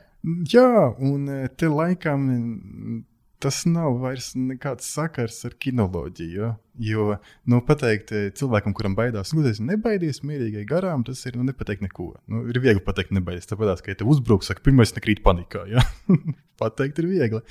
Bet tā ir kaut kāda savstarpēja miedarbība, kaut kāda cilvēcība, kura vienkārši mums ir laikam vēl jāmācās. Man bija tāds gadījums, kad es, es esmu, nu, es peldos jebkurā gada laikā, visu, visu gadu. Vi, ne, un uh, Es tagad esmu iegājusi ezerā, ir vēls, vēls rudens, yeah. jeb arī agrs pavasaris. Es viņus vienmēr putroju. Au, nu, ūdens ir augsts. Un es esmu iegājis tajā ezerā un es peldos. Yeah. Un, tas ir pa Šveici. Staigā dāma, viņas rotvēlers ir nepiesiets. Un man viss ir kārtībā, jo es zinu, tas ir šveicis suns, tas suns māku uzvesties. Un tad tas rotvēlers sāk liekšot ūdenī iekšā, un viņš sāk uz mani baisi riet. Uh, Un tā saimniece, viņa netiek ar to rotvēleru galā. Viņa nedabūna, nedabūna viņu projām. Un es, protams, jebkurā vasaras laikā es tur varētu plunčāties. Dievs vien zina, cik ilgi, bet ir sasodīti augsts. un tas rotvēlers man noturēja tajā ezerā diezgan ilgi. Viņi jau nevar aiziet pakaļ ālenā ūdenī. Jā, jā jo, jo viņš ir vienkārši tajā ūdenī. Tā bija tāda situācija, kurai es nebiju sagatavojusies, ka kaut kas tāds varētu notikt. Nu, jā, dažs vien ar to, ka suns ir bijis brīdīts, kad uh, Rudenī, spoks, tur jā, jā, jā. plunčājās. Jo es nekad neesmu varējis saprast, eh, kāpēc būt veselīgam Lai būtu veselīgs, ir jāmocās. Kāpēc skriet ir veselīgi, kāpēc peldēt augstu ūdeni ir veselīgi? Kāpēc nevis mērā, remdenā dušā nevar būt veselīgi un sēdēt dīvainā nevar būt veselīgi? Dievs, remdenā duša, tas ir tik grūti salīdzinot ar augstu dušu, tev aprakstīt. Tad var ejam atpakaļ pie tā, kas vēl ir jāzina cilvēkam, kuram ir bail no suņa. Tad viens ir paprasīt, man ir bail, bet tā nevis uzbraucoši, nu, protams, savādi suni, bet uh, man ir bail, lūdzu, paņemiet savu suni. Nu, tas ir, man liekas, ka ar to, to ir, arī varētu pietikt, ja pretī ir normāli normāls, adekvāts saimnieks. Protams, diemžēl ne visi suņu saimnieki. Un es gribētu varbūt vairāk adresēt šo visu tieši suņu saimniekiem. Tiem, ir bail, nu, viņiem ir bail un nesiet cilvēcīgi un saprotami. Nu, nevajag iet ar, ar suņu pastaigu laukumu. Bet, uh, kas man liekas svarīgi, ka suņa saimnieki mums šeit dažreiz man liekas, ka lai viņi panāktu to, ka uh, suņi vairāk kaut kur drīkst iet, viņu taktika ir mēģināt to darīt ar spēku. Ot, es tagad mēģināšu iet veikalā iekšā un lamāšos ar pārdevēju. Mēģināšu visur riet ar savu neaudzināto sunu un traucēšu visiem, bet man ir tiesības. Tādā veidā ļoti atgrūž. Kad suņu saimniekiem ir jāiemācās no tāda pieklājība, ir jāpieņem, ka kādam var nepatikt suns, kad visās kafejnīcās nekad nedrīkstēs iet ar suņiem, jo no kāpēc jāļauj? Nu, kāpēc ir jāļauj? Nu, Drīkst taču, es nezinu, skafejnīca īpašnieks zina, ka viņiem ir daudz stabilu klientu, kuriem ir alerģija uz suņiem. Nu, piemēram, nu, es taču nezinu. Nu, viņš domāja, nu, man svarīgāk ir tie klienti, nevis suņu saimnieki. Nu, viņš tā drīkst izdarīt. Ja? Un e, attieksme ir jābūt nevis kā jāizspēr durvis un jānolamā un jāsaliek vieninieks zvaigznītēs visos iespējamos tīklos, bet, nu, es saprotu, ka, nu, ne visiem ir jāpatīk tas suns, bet, e, bet nu, jā, nu, otrs ir vienkārši ļoti, ļoti svarīgi, kā tu to pasaki. Kā, kā tu pasaki, ar sunu nedrīkst, vai arī kā tu paprasti, vai ar sunu drīkst. Bet, bet nu, jā, tas ir vienkārši jāpieņem, ka ne visur drīkstēs. Man liekas, ka suņu zemnieki būs tādi pieklājīgāki. Nu, protams, arī tā suņu apmācības kultūrai vēl nedaudz ir jāaug. Es pats atceros, man pirms gadiem, desmit aptuveni, ar kaut kāds raidījums, nedaudz, kur man prasīja, jo tajā brīdī pēkšņi visi saprata, ka visā Eiropā drīkst ar suņiem visur staigāt, Latvijā nedrīkst. Man jautāja, vai es gribētu, jo, lai Latvijā drīkst ar kafe, pa kafejnīcām staigāt ar suņiem. Man liekas, bija desmit, varbūt vairāk apakaļ. Tāda nedrīkstēja nekur. Un es arī tā pasēdu, domāju, ka es laikam baigi negribētu ļauj, jo, ja es aiziešu kafejnīcā, es gribu mierīgi pasēdēt, nevis lai man tur visu laiku, kur suņi rauj gāži, reji un vēl visādi ņemās. Ja? Tagad tad suņi jau ir krietni labāk mācīti, daudz labāk, viņi krietni mierīgāk ir, un tāpēc jau kaut kur ļauj. Un e, vienkārši jāpaiet vēl laikam, un, un būs vēl vairāk mācīts. Suņi cilvēks arvien vairāk cilvēku izvēlē Vien vairāk cilvēki atbildīgi izvēlās suņus, un viņi velta tam laiku. Viņi izvēlās tiešām. Un nevis uh, vienkārši, ka man būs suns, bet viņi, izvēl, viņi tā kā pērk suni, viņi pērk suni, saprotot, ka tam sunim līdzi nāk ar visu tās aktivitātes, kuras tev ir jāvelta. Tas ir tas arī, ko tu nopērci. Tev ir iespēja trīs reizes staigāt. Uh, un, uh, un līdz ar to tā situācija būs vēl labāka. Un, kā jūs teicāt, suņi būs arvien vairāk. Viss kaut kur, viesnīcās, kafejnīcās un vēl kaut kur. Uh, Un, un tāpēc diezgan grūti ir tiem, kuriem ir bail no suņiem. Man ir ļoti grūti viņiem kaut ko ieteikt. Es tiešām nezinu. Mm, vien tas ir atkarīgs no baiļu cēloņiem. Tas vairāk ir psihologa. Jā, tas ko, es, tas, ko es esmu dzirdējis, ka kognitīva behaviorālā terapija, KBT, ka tur ir metodas, nu, tāpēc, ka tur vienkārši strādā ar fobijām, strādā Jā. ar bailēm, un tur ir varianti, kā to. Kā to Jā, jo, man liekas, mans aicinājums būtu, nu, varbūt tas skanēs tagad nu, no suņa cilvēka tā iedomīgi, bet man tiešām liekas, ka viņiem nu, ir, jā, ir jāstrādā ar bailēm. Tas ir tā, tā ir tā lieta, ar ko viņiem ikdienā ikdienā nāks daudz saskarties. Jā, un nevis tāpēc, ka tu dari pāri kā suņu saimnieku treneris. Es tevi nevaru nosaukt par suņu treneri. Ja? tu esi suņu saimnieku treneris. Bet uh, tieši tāpēc, ka citādi tā ir tāda, nu, tu esi atkarīgs, kā cilvēks, kam ir bail no suņa, tu esi atkarīgs no tā, vai tie citi darīs pareizi. Man liekas, ka tu vienkārši tu esi nu, ķīlnieka statusā. Ja nu tie citi nedarīs pareizi, bet ja mēs strādājam ar to, no kā mums ir bail, man, piemēram, čūskas riebjās, uh, mans bērns grib čūsku, viens, viens, vēl, viens vēl grib čūsku, viņš vēl nevar tikt skaidrībā, ko viņš grib vairāk suni vai čūsku. Tas ir, nu, nu bērns šī izvēle varbūt ir vēl tā. Nu... Priekš bērns ir loģiski, bet tā, man zvana un saka, es nevaru saprast, man izvēlēties čivavu vai rotvēleru. Man liekas, nu jā, tik līdzīgas šķirnes, ka ir tiešām grūti izvēlēties. Tur droši vien apakšā ir kaut kas, kāpēc tā ir tāda interesanta izvēle. Nu, tas ir tāpēc, ka īstenībā tur tam suņiem nemaz tik lielas atšķirības nav. Viņas ir, ir, protams, bet viņas nav tik milzīgas, kā sākotnēji šķiet. Un man arī ir sev galvā, esmu pieķēries pie domas, ka man gribās divas pilnīgi kaut kādas, it kā no vienas puses sākumā liekas pretējas šķirnes. Ivar, kur cilvēki var atrast uh, tavas uh, suņu saimnieku apmācības, uh, kucēnu socializēšanos, kā, kā sameklēt tevi? Mājaslapā obidog.lv tur ir. Obidog, tas viss tā kā obidog.lv. Jā, ja? tur viss ir. Un uh, kā var tevi atrast sociālajos mēdījos arī pēc obidog vai citādāk, vai pēc tava vārda Ivars Lielpēters? Var gan tā, gan tā. Es sadvaru. Gan šobrīd tāds rebrandings notiek, es pat nezinu, kā man sociālajos tīklos atrast. Es suņu apmācību noteikti. Suņu apmācību? Suņu apmācību ir jebkur man atrast. Un tavi video, kur ir labāk, tu ieteiktu skatīties? Liekas, ka YouTube ir visārtākais priekš video. Arī, un tur meklēt Obidogu vai meklēt Ivars Lielpēters? Ivars Lielpēters. Pagaidām. Jā. Tad tas būs vieglāk. Paldies tev!